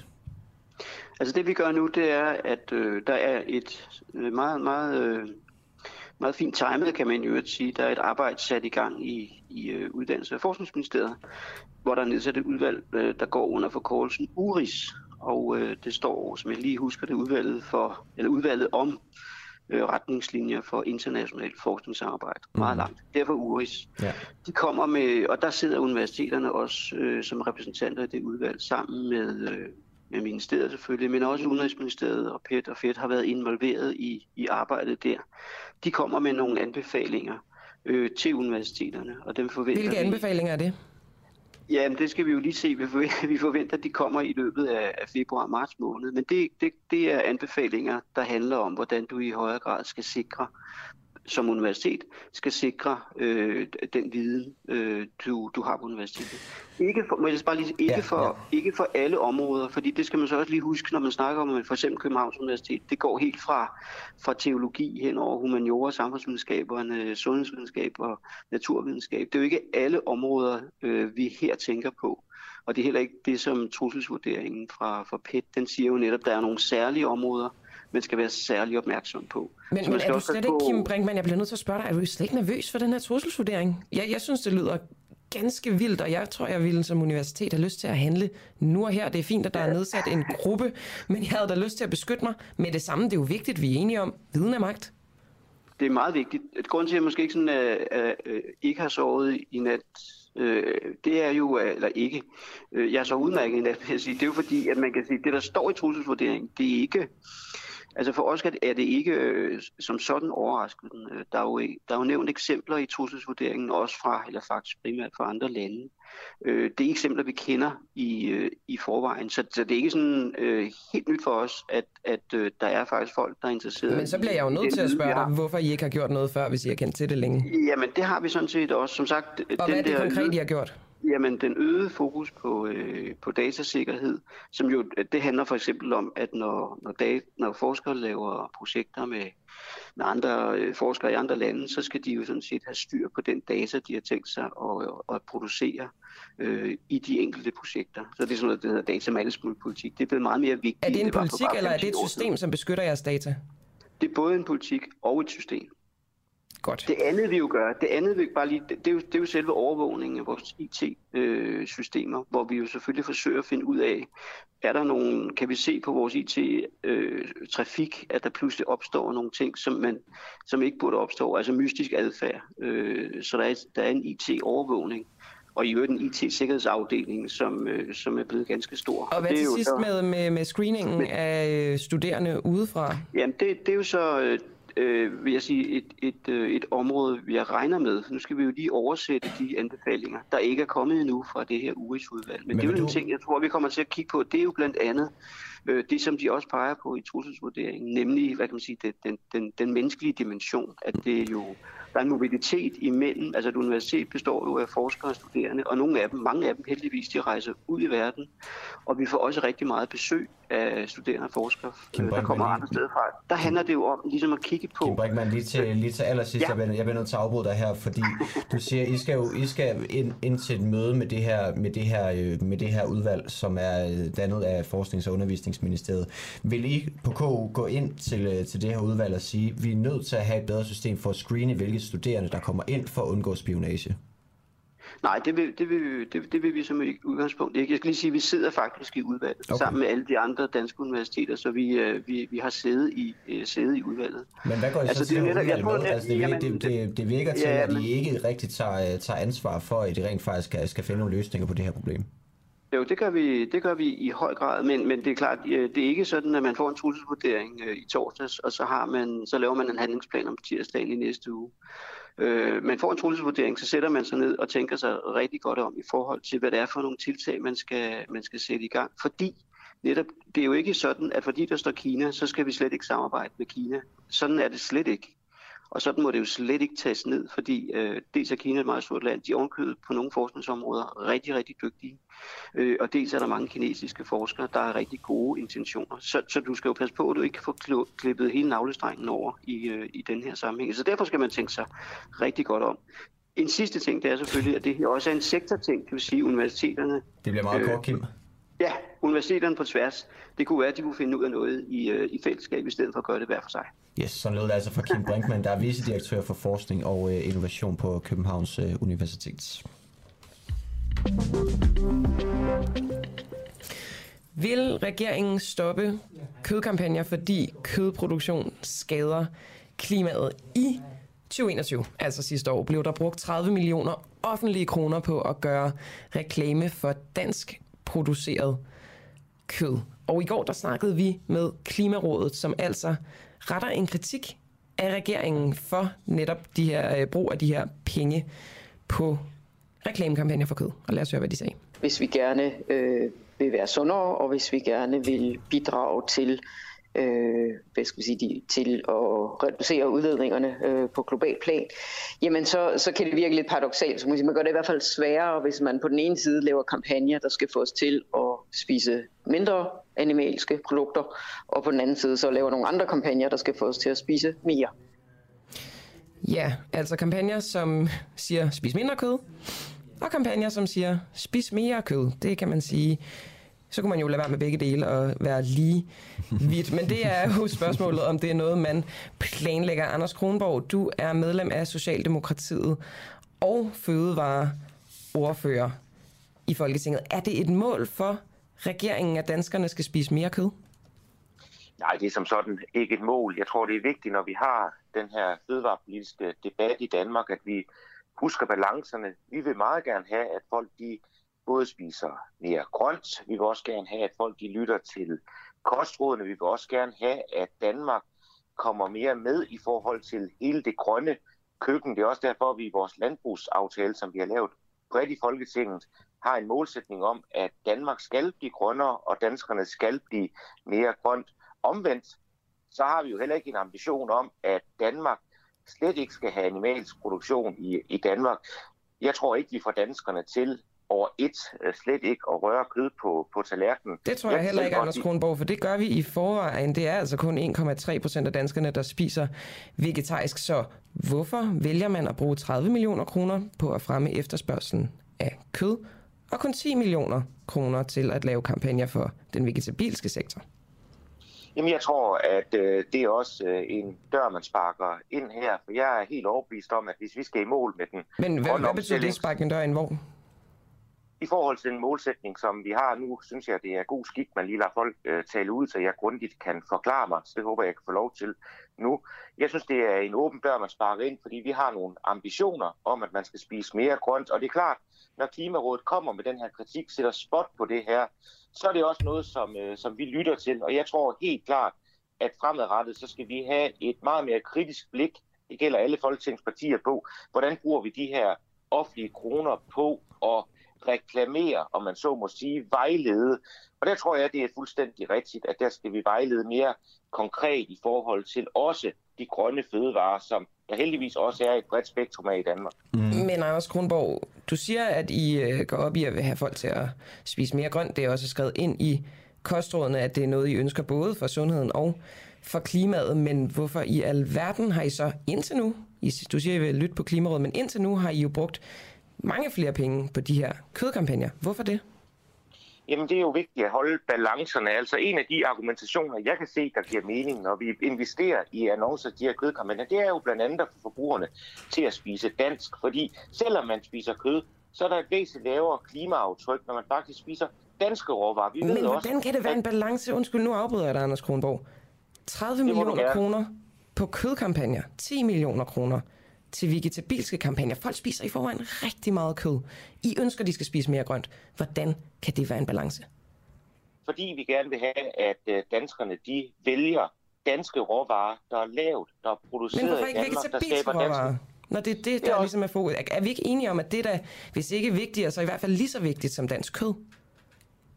Fuldstændig, og jeg sagde også øh, lige tidligere, at jeg ser sådan set ikke en problemstilling i de spørgsmål, du stiller mig her, for jeg siger, det er klart, det er noget, vi skal overveje fremadrettet. Det er faktisk også noget af det, jeg vil tage med videre, det er, kan vi ikke få et endnu større fokus på de grønne fødevarer i forhold til de offentlige midler, vi bruger i, i kampagner. Nu kan jeg jo ikke skrue tiden tilbage. Jeg kan gøre noget i forhold til det fremadrettet. Og der er jeg fuldstændig enig i, at der skal vi have et endnu større fokus på, både at vejlede i forhold til vores kostråd. Vi skal have et endnu større fokus på faktisk at få markedsført de grønne fødevarer, også få fortalt danskerne, hvordan kan man egentlig ændre sin dagligdag Så det var en fejl, til at altså, det er en fejl, at I indtil nu har brugt så mange penge på det. Det er sådan, jeg skal forstå det. I vil gerne ændre det. Ej, jeg synes, du leder efter en, efter en konflikt. Jeg synes, at der er en udfordring her, når man har brugt så mange penge i forhold til kød, og vi gerne vil blive endnu mere øh, klimabevidste. Hvis jeg skruer tiden fem år tilbage, så var der jo slet, slet ikke det fokus på klima, som der er i dag. Der er heller ikke det fokus for fem år siden på de grønne fødevarer. Det kan vi takke rigtig mange af de klimabevidste forbrugere, vi har. Det kan vi takke rigtig meget i forhold til mange politikere, der sat fokus på det her. Nu har vi en bred landbrugsaftale med hinanden, hvor vi faktisk går ind i den landbrugsaftale og siger, vi skal faktisk investere, vi skal have endnu mere fokus på det grønne. Og så synes jeg, der er en lige linje, når vi har den aftale med hinanden, og sige, fremadrettet, så skal vi altså bruge lidt flere midler på også at investere i oplysningskampagner i forhold til de grønne fødevarer. Anders Kronborg, vi snakker om det her med, at der i 2021 er blevet brugt 30 millioner offentlige kroner for at gøre reklame for dansk produceret kød, og du siger, at det er mig, der leder efter en konflikt, men det, det, det ved jeg ikke, om jeg er enig i, fordi det er først nu, at I ligesom går ud og siger, efter der har været den her kritik fra Klimarådet, at nu vil I så ændre det, så der kommer øh, mere fokus på at skulle spise grønt. Men det er jo noget, I har turneret med. I har lavet nye kostråd, øh, talt meget om, at der skal spises grønnere, så hvorfor først nu? Det kan jeg simpelthen ikke forstå. Jamen, det er du fuldstændig ret i, det du siger her, at vi har haft et meget stort fokus på, at man skal spise grønt. Du har selv også i agtaget. Så jeg synes faktisk, der har været et, et fokus på det. Jeg går ikke øh, til dagligt, det er en politisk indrømmelse, og filiterer ned i tallene, hvor mange decimaler har vi præcis brugt på den ene offentlige kampagne i forhold til den anden. Jeg kan Nu fortælle dig, at jeg har brugt på- 30 millioner kroner på at fremme efterspørgselen på kød og 10 millioner kroner på at fremme den vegetabilske sektor. Og det siger jeg meget klart og tydeligt til dig, at det er at sparke en åben dør ind for mig. Det er klart, her skal der være et andet fokus. Der skal være et klart fokus på, at flere midler, de skal bruges til at markedsføre de grønne fødevarer. Der skal bruges flere midler i forhold til den samlede pulje på at investere i, hvordan får vi egentlig danskerne til at spise mere i forhold til øh, kostrådene. Så jeg synes sådan set, det er en politisk indrømmelse, jeg giver her i dag til den uafhængige. Alright, og så øh, når du har givet den indrømmelse, så kunne jeg også rigtig godt tænke mig at få dig til at love mig noget. Balancen imellem det her beløb, der bliver brugt på henholdsvis kødkampagner og kampagner for den vegetabilske sektor, hvordan vil fordelingen være fremover? Jamen det, jeg synes, der lyder øh, logisk i forhold til det, det er, at vi har stadig en udfordring med, at vi skal have endnu flere danskere til at spise dansk. Altså når man går ned til slagteren om lørdagen og skal have en god bøf, det synes jeg, danskerne skal have lov til. Det vil jeg på ingen måde... Ind nu gav du mig lige en indrømmelse. Nu er du tilbage ved, at vi stadig Nej, nej, vil nej, reklamere nej, for kød. nej, nej, nej, nej, nej, nej, nej, nej, nej. Så siger jeg, der er stor forskel på, om man går ned og bestiller den sydamerikanske bøf, der er mere klimabelastet end den danske bøf.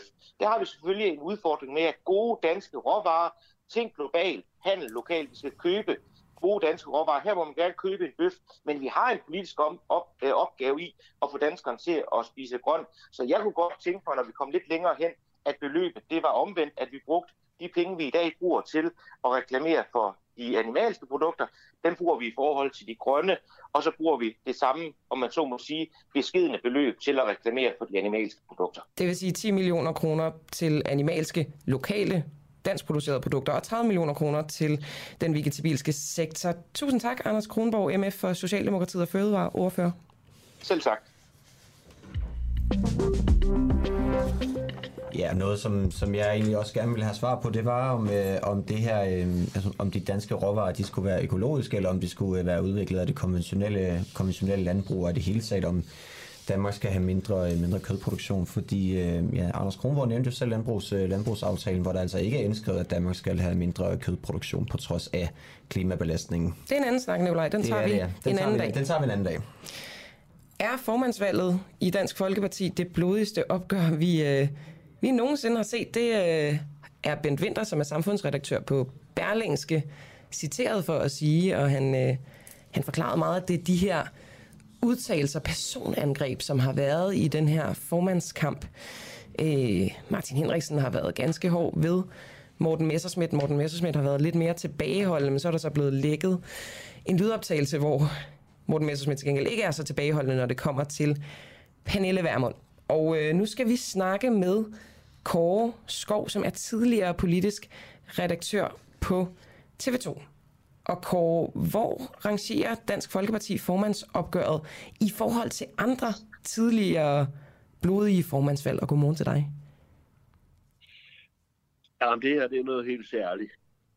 Altså, vi har ikke rigtig oplevet noget lignende i, øh, i hvert fald siden 2. verdenskrig. Øh, I slutningen af 1800-tallet og den første halvdel af, af, af 1900-tallet, øh, der var der nogle spektakulære opgør, som øh, på sin vis kunne minde om opgørende i Dansk Folkeparti. Men efter krigen, der har vi ikke set noget lignende. End ikke, når de konservative slog sin byrdes. Og hvornår var det, de slog sig? Ja, det jeg egentlig vil gerne vil spørge om, det er, hvornår vi har ja, været tættest de, på. Det, det, har de, det har de gjort af flere omgange. At det begyndte allerede, da, da de konservative blev dannet i, i øh, 1915. Der kunne de ikke blive enige om, hvad partiet skulle hedde, så der skete den første splittelse. Øh, nogen ville kalde det det konservative landsparti, og nogen vil stadigvæk kalde det højre, og nogen vil kalde det det konservative folkeparti, og det er som, som, kendt, som bekendt med det sidste. Så det var simpelthen en konflikt, der bestod af en, en, en navne diskussion. Jamen, jamen bag, bag ved navnekonflikten lå der selvfølgelig også noget politik.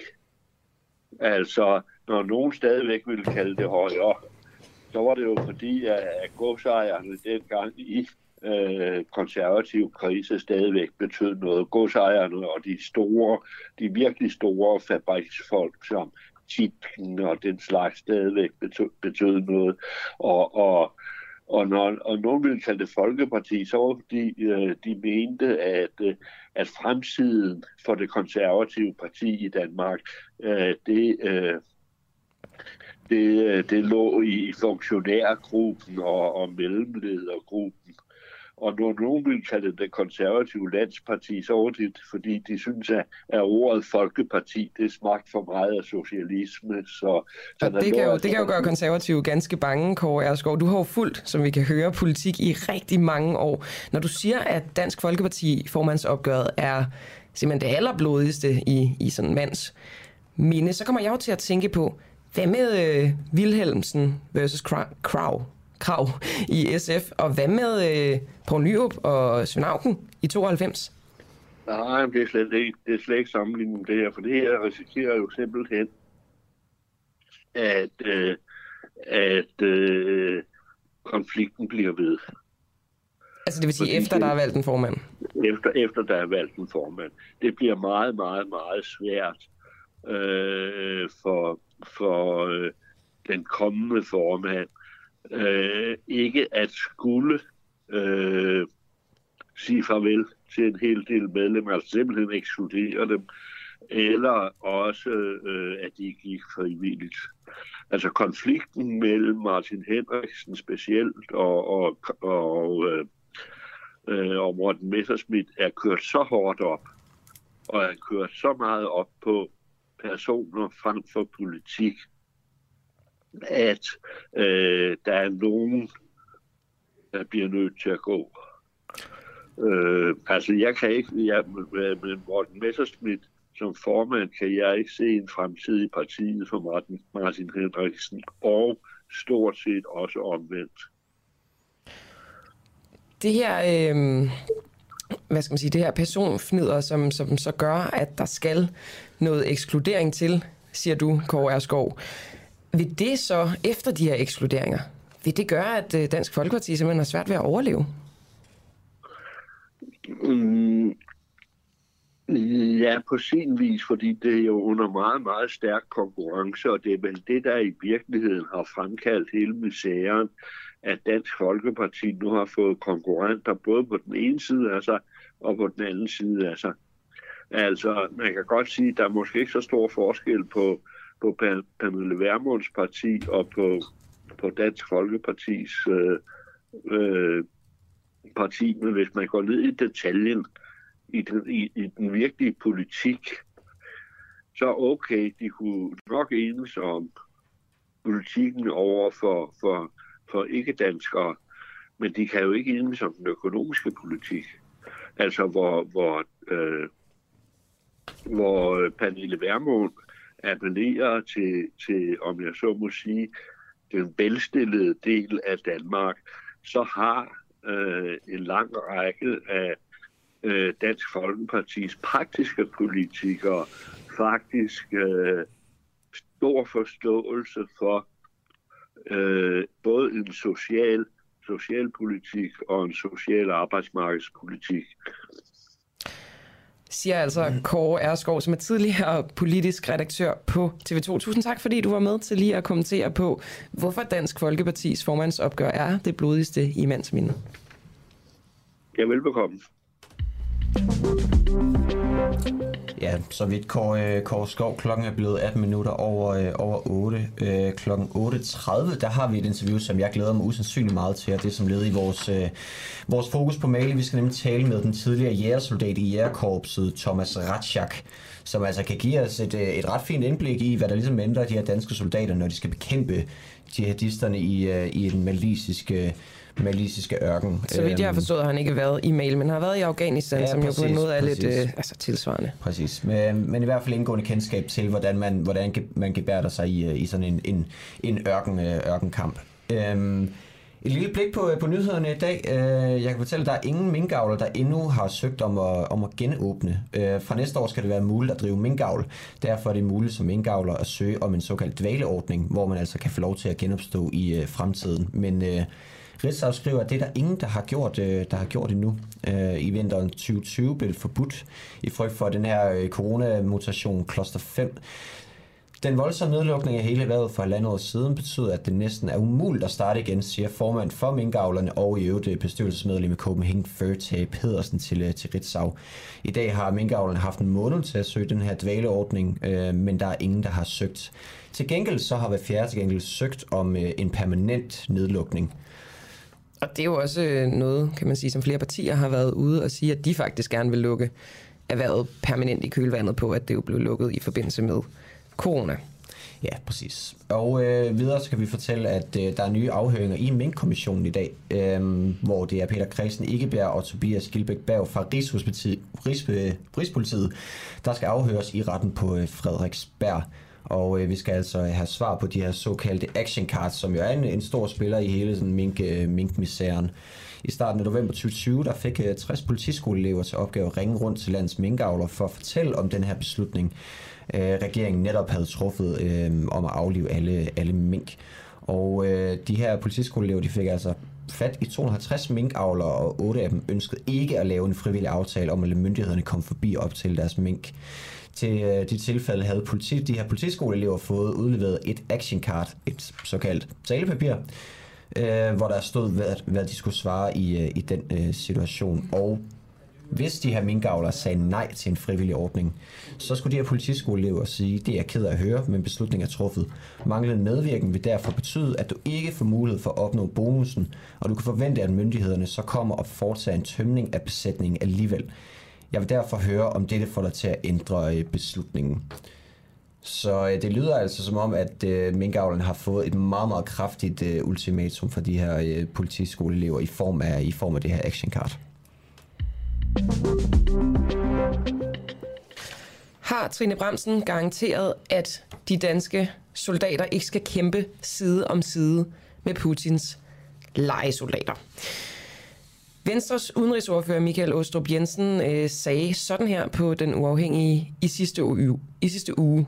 Danske soldater skal selvfølgelig ikke til Mali og bekæmpe islamistiske grupper, hvis der er risiko for, at det sker side om side med legesoldater fra russiske Wagner Group, som har tætte tråde til Vladimir Putin. Lad os lige høre helt specifikt, hvad det var, Michael Åstrup han sagde.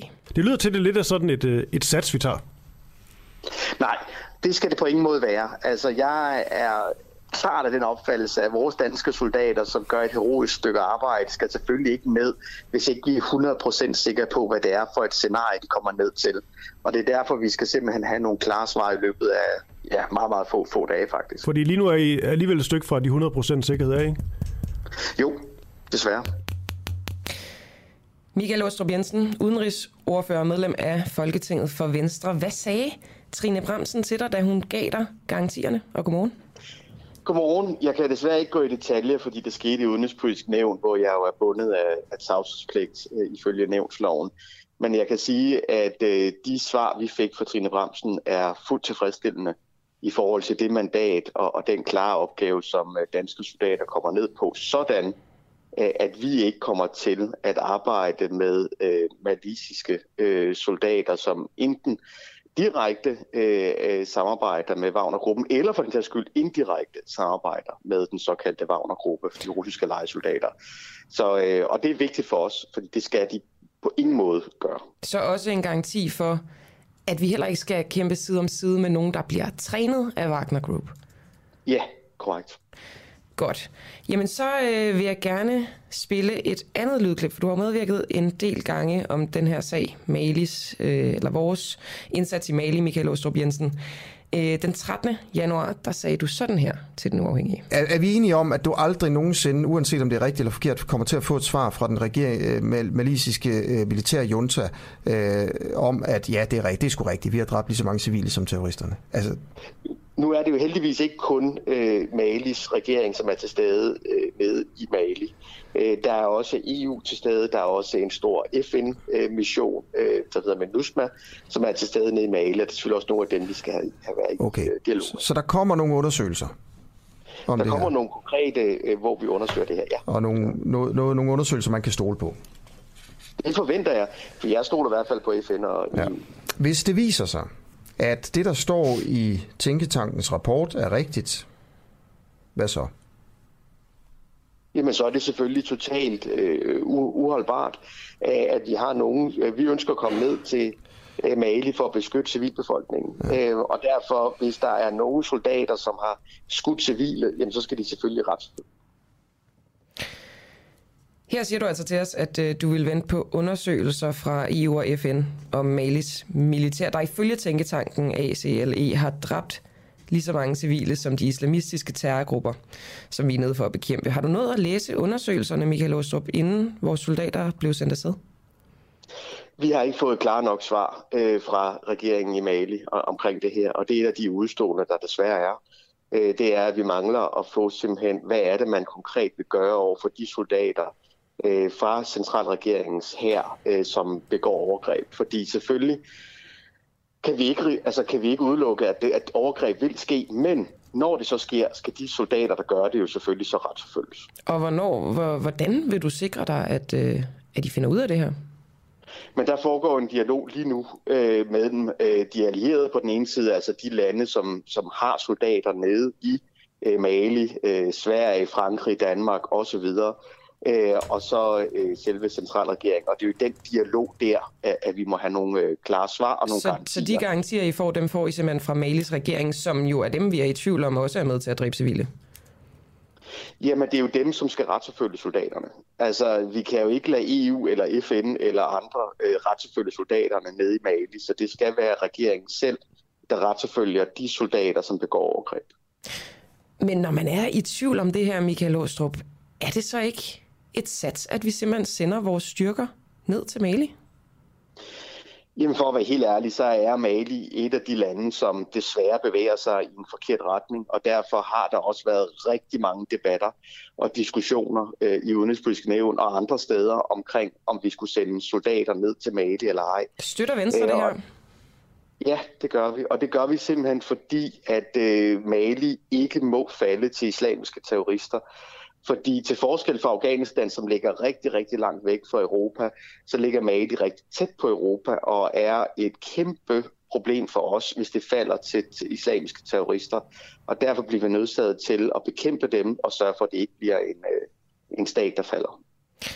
Og hvordan, hvordan viser sikker, eller hvornår skal du have de her forsikringer, de her garantier om, at dem, vi er nede og hjælpe i Mali, de ikke også står for civile drab? Jamen, jeg kan desværre ikke sætte en dato på. Altså, regeringen i Mali er desværre øh, svære at øh, samarbejde med. De sure i forvejen, blandt andet fordi franskmændene har trukket mange af deres soldater ud af Mali for at kunne lave antiterroroperationer i Frankrig, altså patruljer og lignende i franske byer. Øhm, og, og det gør, at, at de jo blandt andet har lavet det samarbejde med Wagner-gruppen og andre ting. Så, så det, jeg står ikke her og siger, at det bare er halleluja, og jeg tror, at vi om 14 dage kan få nogle svar. Jeg ved det ærligt talt ikke, men det er jo noget af det, vi skal presse dem på. Af de mange ting, vi skal presse dem på. Blandt andet også, at vi skal have demokratiske valg, før de selv ønsker det, osv. Men alt det her, det bliver simpelthen trumfet af, at vi skal bekæmpe terrorgrupper i Mali. Det er altid en overvejelse om, hvad der er vigtigste formål. Men det vigtigste øh, for os, samtidig med, at vi gør alt det her ved siden af, det er, at vi simpelthen ikke må lade Mali falde. Men Michael Åstrup, terrorgrupperne, jihadistgrupperne, de slår civile ihjel. Det gør regeringsjuntagen muligvis også, eller militærjuntagen muligvis også. Hvor, hvor, jeg kan simpelthen ikke forstå den her øh, afvejning af, at det er okay, at vi er til stede i Mali, når vi så propper oveni. Nu siger du godt nok, at du har fået dine garantier fra Trine Bremsen, men altså DIS for eksempel, de er stadig i tvivl om, hvad, hvad, øh, hvad Wagner-gruppens øh, rolle i Mali er, og hvordan de arbejder sammen med os. Jamen altså, jeg har fået de garantier, øh, og, og nu er de jo ikke siddet med til samme møder, som jeg har, øh, så alle har respekt for de ellers. Øh, men, men, men øh, og, og, hvis de, og hvis der sker noget andet, øh, som går imod de garantier, jamen så er det selvfølgelig noget, vi skal diskutere med det samme, som med det samme i udenrigspolitisk nævn. De garantier, Michael Åstrup, var det øh, dokumentation, eller var det bare en uh, mundtlig garanti for Trine Bremsen? Ej, jeg stoler alligevel på forsvarsministeren, når hun øh, siger noget, og der, kom, der er lavet skriftlig referat af det. Skriftlig øh, referat er noget, hun har givet af garantier og lovninger, men ikke dokumentation, hun har fremlagt for jer i Udenrigspolitisk Nævn. Jeg kan ikke gå i detalje med, hvordan og hvorledes det foregår. Det er desværre bundet af tavshedspligt. Alright, Michael Åstrup Jensen, og du vil altså ikke sige, hvornår du skal have garanti for, at regeringen ikke står for civile drab, til trods for, at vi jo har sendt vores specialstyrker ned til Mali. Jeg kan jo ikke love, at det bliver øh, om en uge eller 14 dage eller øh, senere. Jeg kan bare love, at det er noget, vi fokuserer voldsomt på. Og ikke Men hvornår er, det, altså, hvornår er, er din grænse ligesom noget? Det er et ufatteligt godt spørgsmål. Altså, fordi det er jo hele tiden, ligesom det er med meget udenrigspolitik, desværre en afvejning af, hvad er det for nogle formål, vi er der for. Øh, og, og i forhold til Mali, der må vi bare ikke lade det falde til islamiske terrorister, for det vil være forfærdeligt. Øh, og, og derfor på den anden side, det der foregår fra centralregeringen, øh, er heller ikke godt på nogen måde. Øh, og det er jo derfor, at... Øh, Så hvornår går din grænse for, at du skal have nogle garantier for, at militærjuntagen ikke slår civile ihjel? Man kan desværre ikke sætte det op på sådan en hovedvægt, øh, ligesom man kan med, med andre ting. Øh, det er i hvert fald umuligt i den her sag. Michael Åstrup Jensen, det sagde du altså, som har fået garantier fra Trine Bremsen om, at vi i hvert fald ikke skal arbejde sammen med den russiske Wagner Group, som er altså russiske legesoldater med tætte forbindelser til Putin. Tak fordi du var med igen her, Michael Åstrup. Ja, selv tak.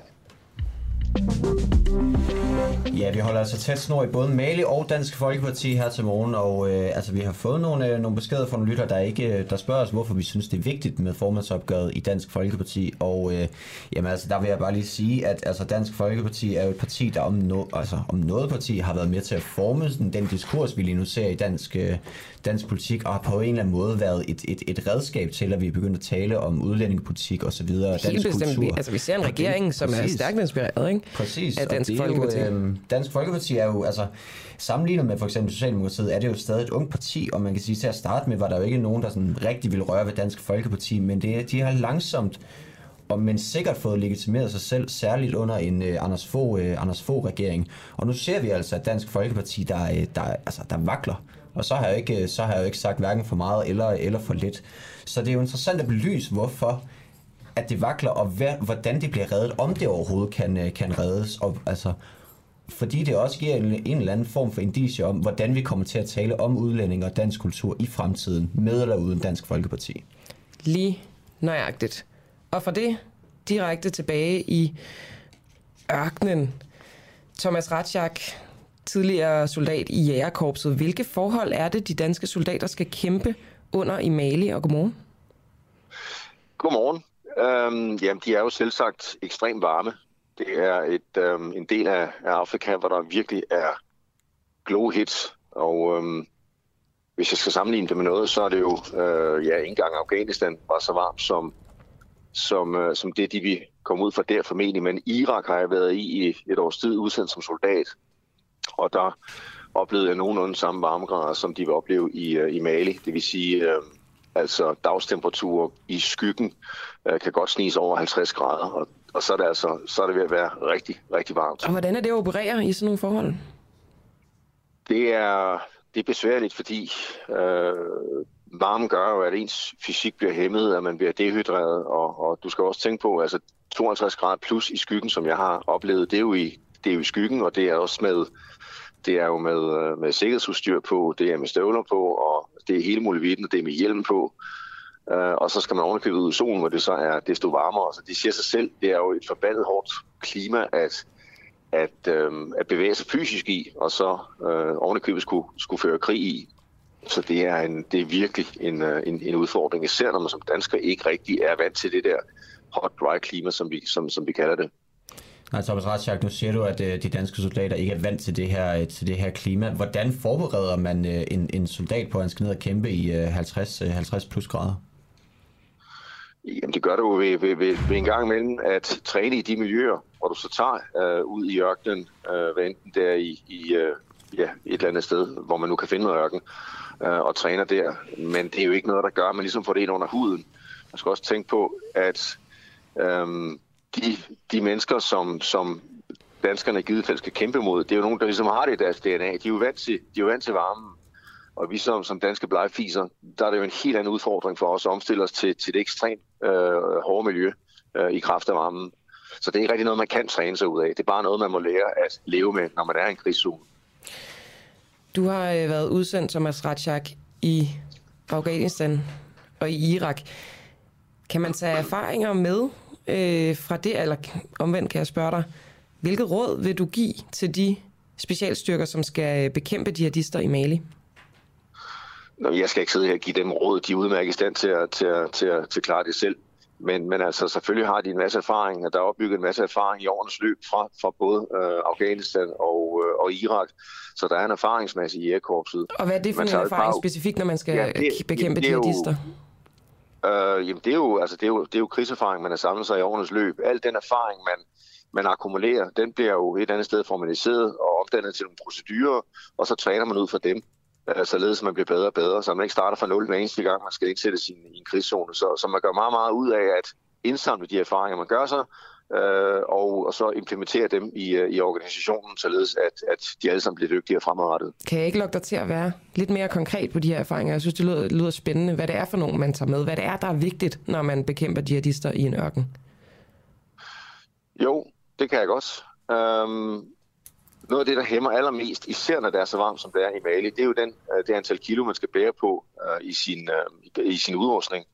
Jeg har jo selv båret øh, op til, eller over 80 kilo udrustning faktisk i, i de afghanske bjerge. Og, øh, og det er klart, det siger sig selv, øh, det hæmmer en, når man skal kæmpe og føre krig. Så en konkret erfaring, vi gjorde os, det var jo, at, at, at vi fandt ud af, at, at det dur jo ikke, at vi var så tunge. Så derfor så øh, lavede vi nogle teams, der bestod af flere soldater, øh, som havde færre øh, kilo på ryggen, Øh, og derved var mere agile øh, og bedre i stand til at øh, bekæmpe fjenden. Så det er sådan en helt konkret erfaring, vi gjorde os i Afghanistan. Og det er jo ret logisk, men, men det er jo ikke altid sådan ting, der foregår i praksis. Øh, men men det er i hvert fald en konkret erfaring, vi gjorde os der. Thomas Ratchak, bliver man som jægersoldat påvirket, hvis for eksempel der er tvivl om, hvem det er, man støtter, hvem det er, man kæmper for, og hvis det for eksempel er en regering, der muligvis også står bag civile drab selv, hvordan påvirker det den indsats, man gør som, som jægersoldat? Altså, du kan jeg kun snakke for mig selv, men altså, jeg har jo ikke, jeg, jeg, kan, jeg hverken kan eller vil tage, tage overordnet stilling til, til krigen, fordi så skulle jeg valgt et andet job. Når jeg er på, på slagmarken, så har jeg taget de moralske overvejelser, jeg skal. Og jeg stoler på, at min øh, organisation, mit bagland, de har tilstrækkeligt meget styr på tingene, således at deres jurister, øh, de har styr på krigens lov, og de er, er, har givet mig nogle rammer at operere inden for, som er inden for, for, for krigens lov. Øh, hvis jeg begynder at tvivle på det, så mister jeg fokus, og så svigter jeg mig selv, og så svigter jeg mine kammerater. Så det, øh, det er simpelthen øh, det, det er ikke noget, det strategiske øh, er ikke noget, jeg har, øh, jeg har tænkt på. Jeg har selvfølgelig en, en ideologisk holdning til, til, til, til krigene, men det er ikke noget, der har indflydelse på mit operative virke. Og hvad er den ideologiske holdning til for eksempel vores øh, indsats i Mali? Den øh, er jo, at øh, det er for det første en dråbe i havet, øh, fordi at Mali er så stor, som det er. Fordi øh, det er jo, jeg tror, det er, er det Afrikas fjerde land, det ved jeg sgu ikke. Men det er et kæmpestort område, og den militære indsats, øh, som vi som danskere kan bidrage med, den er jo, den er jo symbolsk. Øh, og dermed unødvendigt? Men, nej, det er aldrig unødvendigt, fordi det er udmærket, at vi kommer ud øh, og, og, og bidrager til noget, at vise loyalitet over for vores samarbejdspartner. Det er fint nok.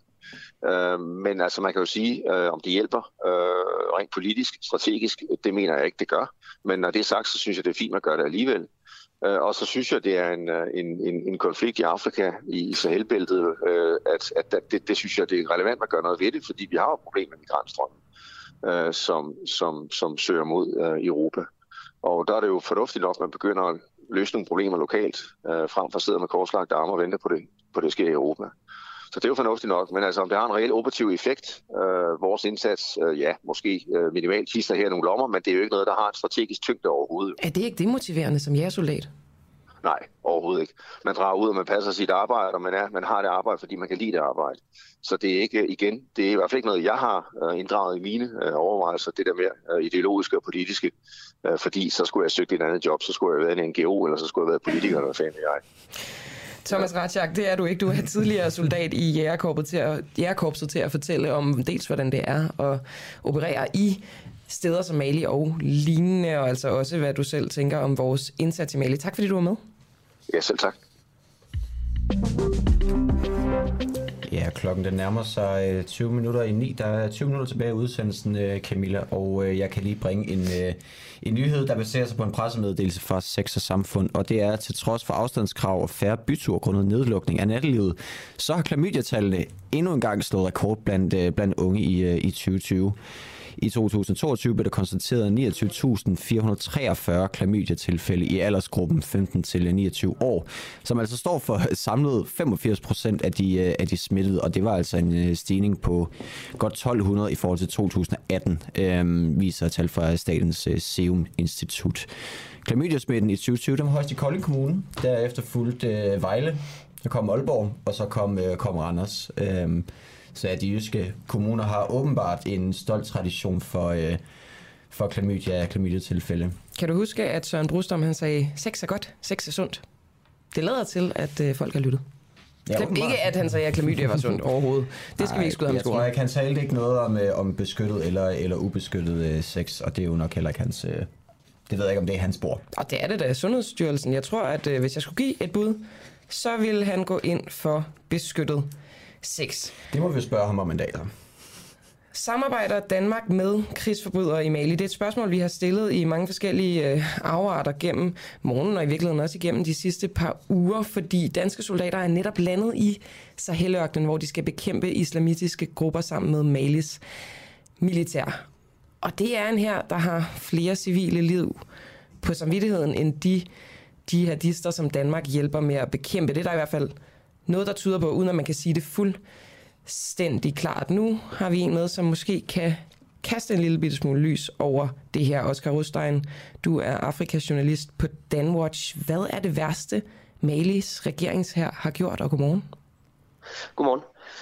Øhm, jamen, øh, det, det du refererer til her, det er en undersøgelse, som øh, den øh, amerikanske tænketank ACELD lavede i, i 2020, eller den lavede, blev lavet sidste år, men er, er tal fra 2020, hvor de opgjorde, at øhm, i løbet af det år, der havde den maliske regeringshær dræbt flere civile end de jihadister, som de ellers er sat i verden for at nedkæmpe. Øhm, og, øhm, og det er, øhm, det er jo meget, meget øh, slående, når, øh, når øhm, man har en her, som øh, til synligheden er, er lidt øhm, en del af problemet, snarere en del af løsningen kunne virke til. Og der er også blevet skrevet fra for eksempel Human, Human Rights Watch side, den her store menneskerettighedsorganisation, om altså mere eller mindre øh, tilfældige henrettelser begået af, af den maliske regerings her, i hvert fald øh, enkelte enheder, øh, herreenheder fra den maliske regerings her, når de har kørt gennem landsbyer.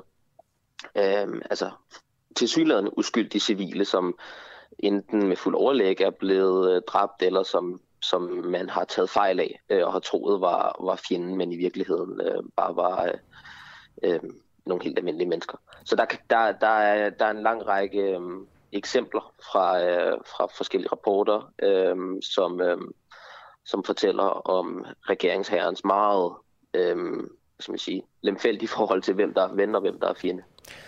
Og de her rapporter, blandt andet den første, du taler om her fra 2020, øh, hvordan kan vi vide altså validiteten af dem, eller efter din vurdering, hvor, øh, hvor valide altså, er de rapporter så?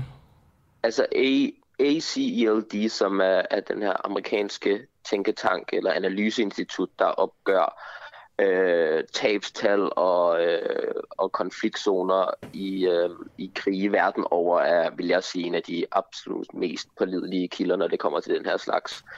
Øh, det er nogle af dem, jeg bruger mest i mit arbejde, når jeg øh, skal have overblik over konflikter rundt omkring på det afrikanske kontinent.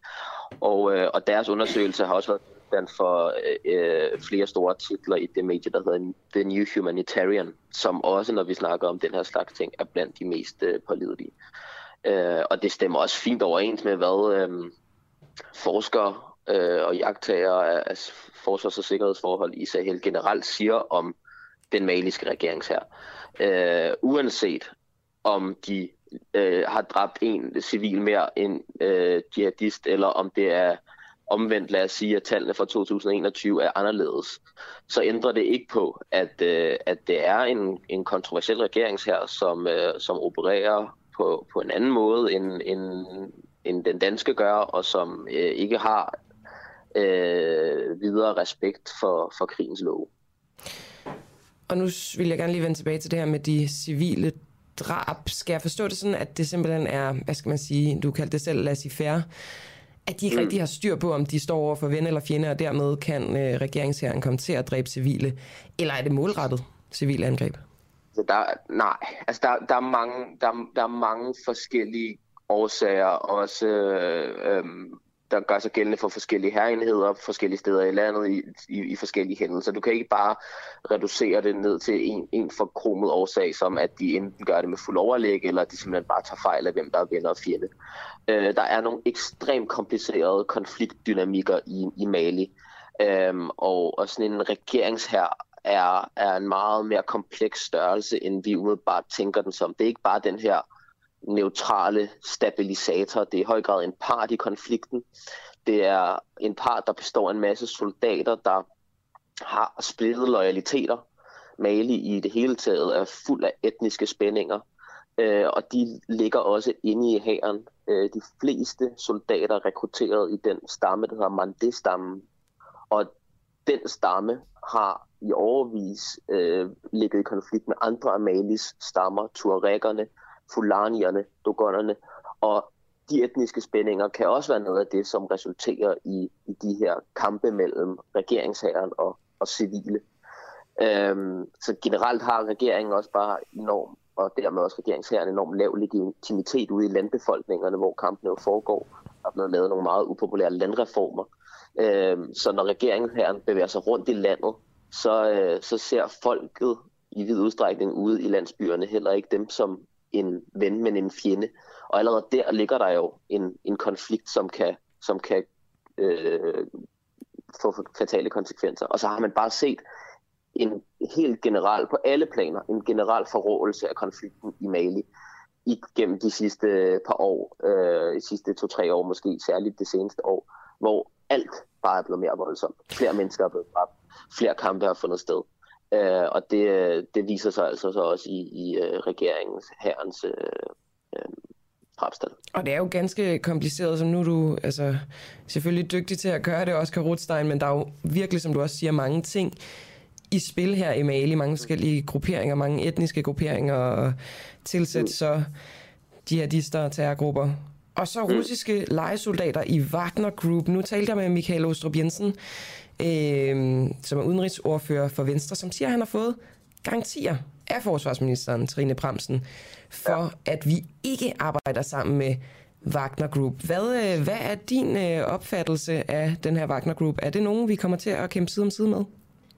Ja, men det er jo rigtig øh, øh, godt spørgsmål, og jeg, det er lige præcis det spørgsmål, jeg selv øh, sidder og prøver at bore i de her dage, fordi Trine Bremsen har sagt det, og Jeppe Kofod har sagt det. De har sagt, at det er en garanti, at danske soldater ikke kommer til at samarbejde med Wagner Group eller med maliske herrenheder, der samarbejder med Wagner Group, og det er en klar og rød linje for Danmark. Men der er ingen af dem, der indtil videre har kunnet øh, forklare, eller har haft lyst til at forklare, præcis hvordan de stiller den her garanti. Hvordan helt konkret vil man undgå det, og hvor sikre føler man sig på, at det kan undgås. Øh, det synes jeg stadig, vi mangler svar på, og det, det har jeg personligt ikke noget øh, overblik over, hvor realistisk det er at undgå. Men det man i hvert fald kan sige er, at Wagner er til stede, og øh, de er blevet, også selvom Mali indtil videre, øh, og russerne sådan set afviser og siger, at det stadig er et bilateralt samarbejde, der foregår uden om private operatører. Men både EU og Frankrig mener, at Wagner er til stede øhm, og at de er blevet øh, registreret i områder af landet, øh, ikke alt for langt fra, hvor øh, de danske soldater skal operere, og igen det her med, at de tilsyneladende er i landet for at udøve mange af de samme opgaver som de danske soldater, altså bistå, rådgive, træne de maliske regeringssoldater. Øhm, så, så det kan da sagtens være, at øh, Danmark de helt konkret 105 danske soldater ikke kommer til at samarbejde med Wagner eller med maliske regeringssoldater, der samarbejder med Wagner. Men jeg synes stadig, at regeringen har til gode at, at forklare, hvordan vi kan være sikre på det. De siger, at de ikke vil tolerere det, og at de vil gøre alt, hvad de kan, for det ikke kommer til at ske.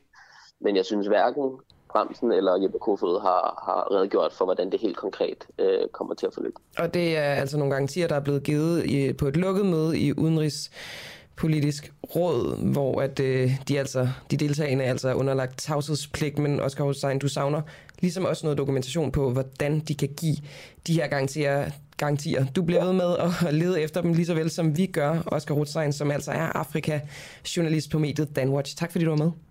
Det var så lidt.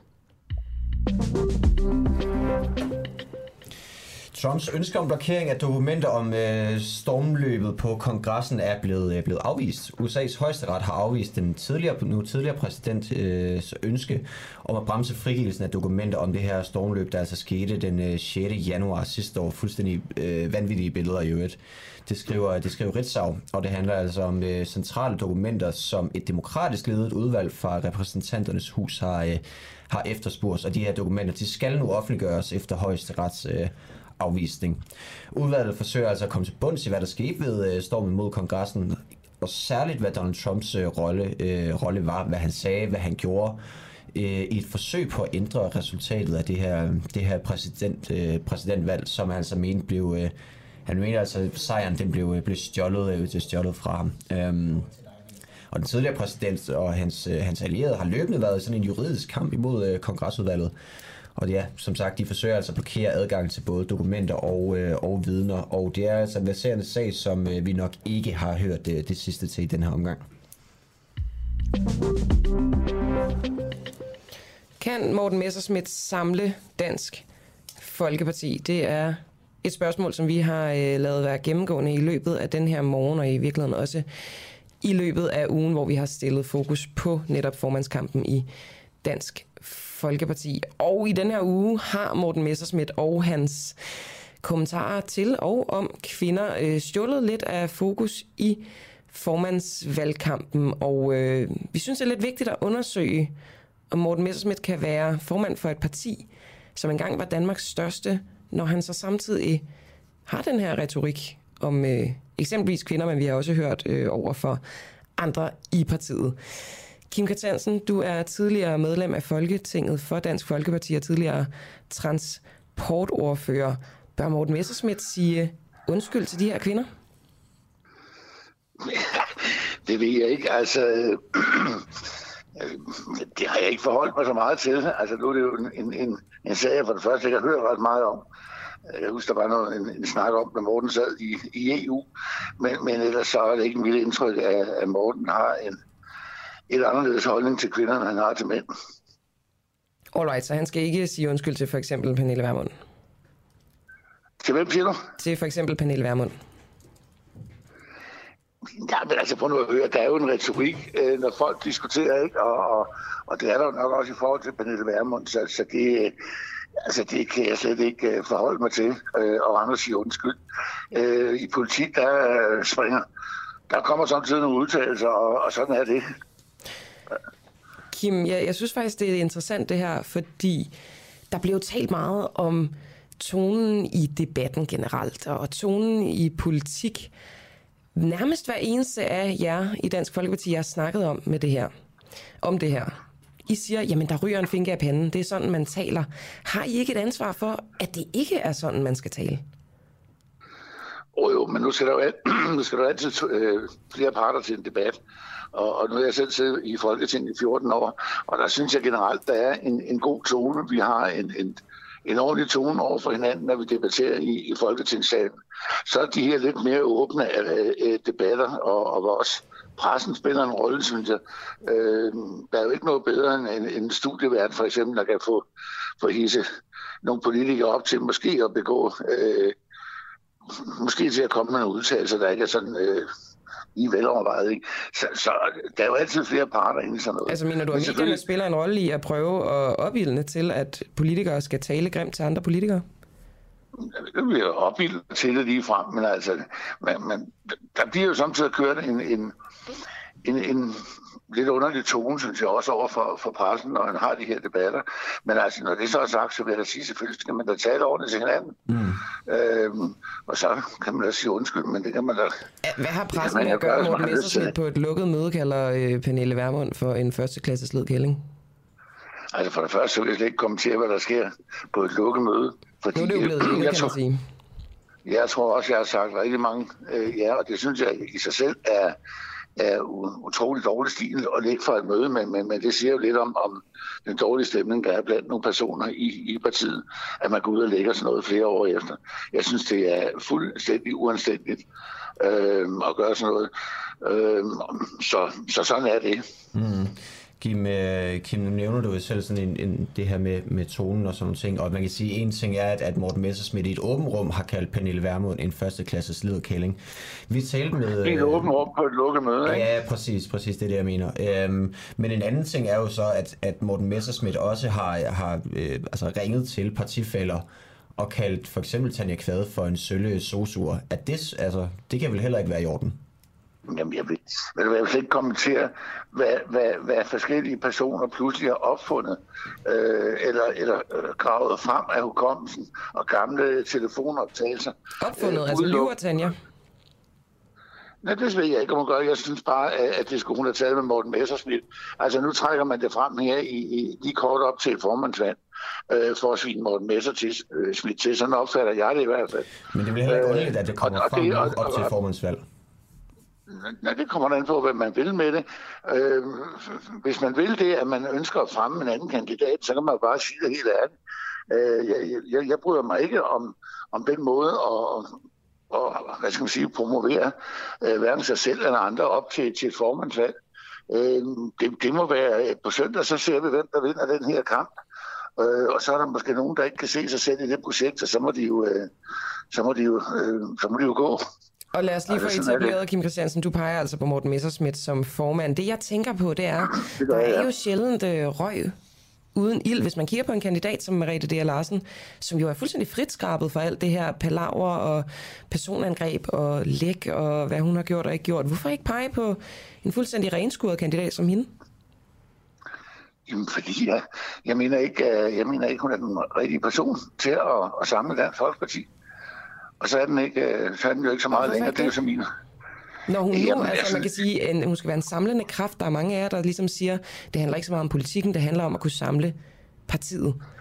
Og hun er Og jo det ved handler en, som ikke står i konflikt med nogen, kan man sige. Nej, det, er- det, det, det, det er korrekt. Og hvis det er, hvis det er øh, hvad skal man sige, kvalitetsstempel øh, ikke at stå i konflikt med nogen, jamen så, så ville det da være et godt bud. Men altså, nu mener jeg ikke, det er nogen skade til, at man har haft konflikter i et politisk liv. Det ville være underligt, hvis ikke man havde. Øh, så kan man altid diskutere karakteren af dem. Men altså, jeg, jeg, jeg synes, det er et projekt, som Morten Messersmith sammen med Peter Kofod har lagt frem. Øh, det er et projekt, jeg kan se mig selv i, og jeg tror, det er et projekt, der kan bringe Dansk Folkeparti fremad. Uanset hvad der så måtte komme frem af, af, af blive øh, hævet op af skraldespanden de her indtil på søndag. Det er nok ikke det sidste, vi har hørt. Men, øh, men jeg mener stadigvæk, at det projekt, Morten Messersmith har fremlagt, det er det rigtige. Til allersidst, Kim Christiansen, du er jo gammel i går, når man snakker Dansk Folkeparti i over 20 år. Har du øh, været med i projektet. Jeg tænker på, alt det her, der foregår i Dansk Folkeparti lige nu, gør det ondt på dig at se dit parti? Det, der sker med det lige nu? Dels, at I går tilbage i meningsmålingerne, men også bare alle de konflikter, der foregår. Jamen, jeg synes, at det er brændt irriterende, øh, at man har de her konflikter, og, og det er også derfor, og jeg synes selvfølgelig også, er, det, det, det var, var rigtig irriterende, at vi, vi gik så meget tilbage øh, i 2019. Øh, det, det synes jeg var rigtig ærgerligt, men, Men det var gør jo også... ondt på dig? Men det var selvfølgelig godt. Ja, det gøre det ondt. Øh, som jeg også var ude at sige, det var, det var rigtig møgvalg. ikke? Og, og selvfølgelig går det, gør det ondt, når man får sådan en vælgerlusing. Øh, men så må man også bare op på hesten igen og så sige, at der er et eller andet, vi åbenbart har gjort forkert og det har vi jo diskuteret rigtig meget, også i medierne, hvad der blev gjort forkert. Øh, nu står vi i en situation, hvor vi skal prøve at kigge fremad, og, og der tror jeg, det er Morten Messerschmidt, der kan, der kan løfte den opgave, og så skal vi have stoppet alt det her øh, fniderne og fnaderne og læggen for lukkede møder. Altså, hvornår skal man, hvornår søren skal man så lufte sine øh, frustrationer, hvis ikke man gør det på lukkede møder, uden der sidder en eller anden uloyal, illoyal øh, kollega og lægger Ifølge Merete. Dea skal man gøre det over aftensmadsbordet til sin ægtefælle. Kim Christiansen, hvis Martin Henriksen skulle gå hen og blive formand, er du så stadig i Dansk Folkeparti? Ja, altså jeg melder mig ikke ud af Dansk Folkeparti. Øh, sådan er det. Øh, jeg er DF'en ud over, og der bliver jeg selvfølgelig... Martin er også et, et glimrende menneske. Jeg har siddet i, jeg har siddet i Folketinget med ham, men, men jeg mener bare stadigvæk, at når, øh, vi kan kun vælge en formand, og det bliver, øh, det bliver altså hos Morten Messerschmidt. Jeg, jeg lægger mit lod. Tak for det, Kim Christiansen, tidligere medlem af Folketinget for Dansk Folkeparti.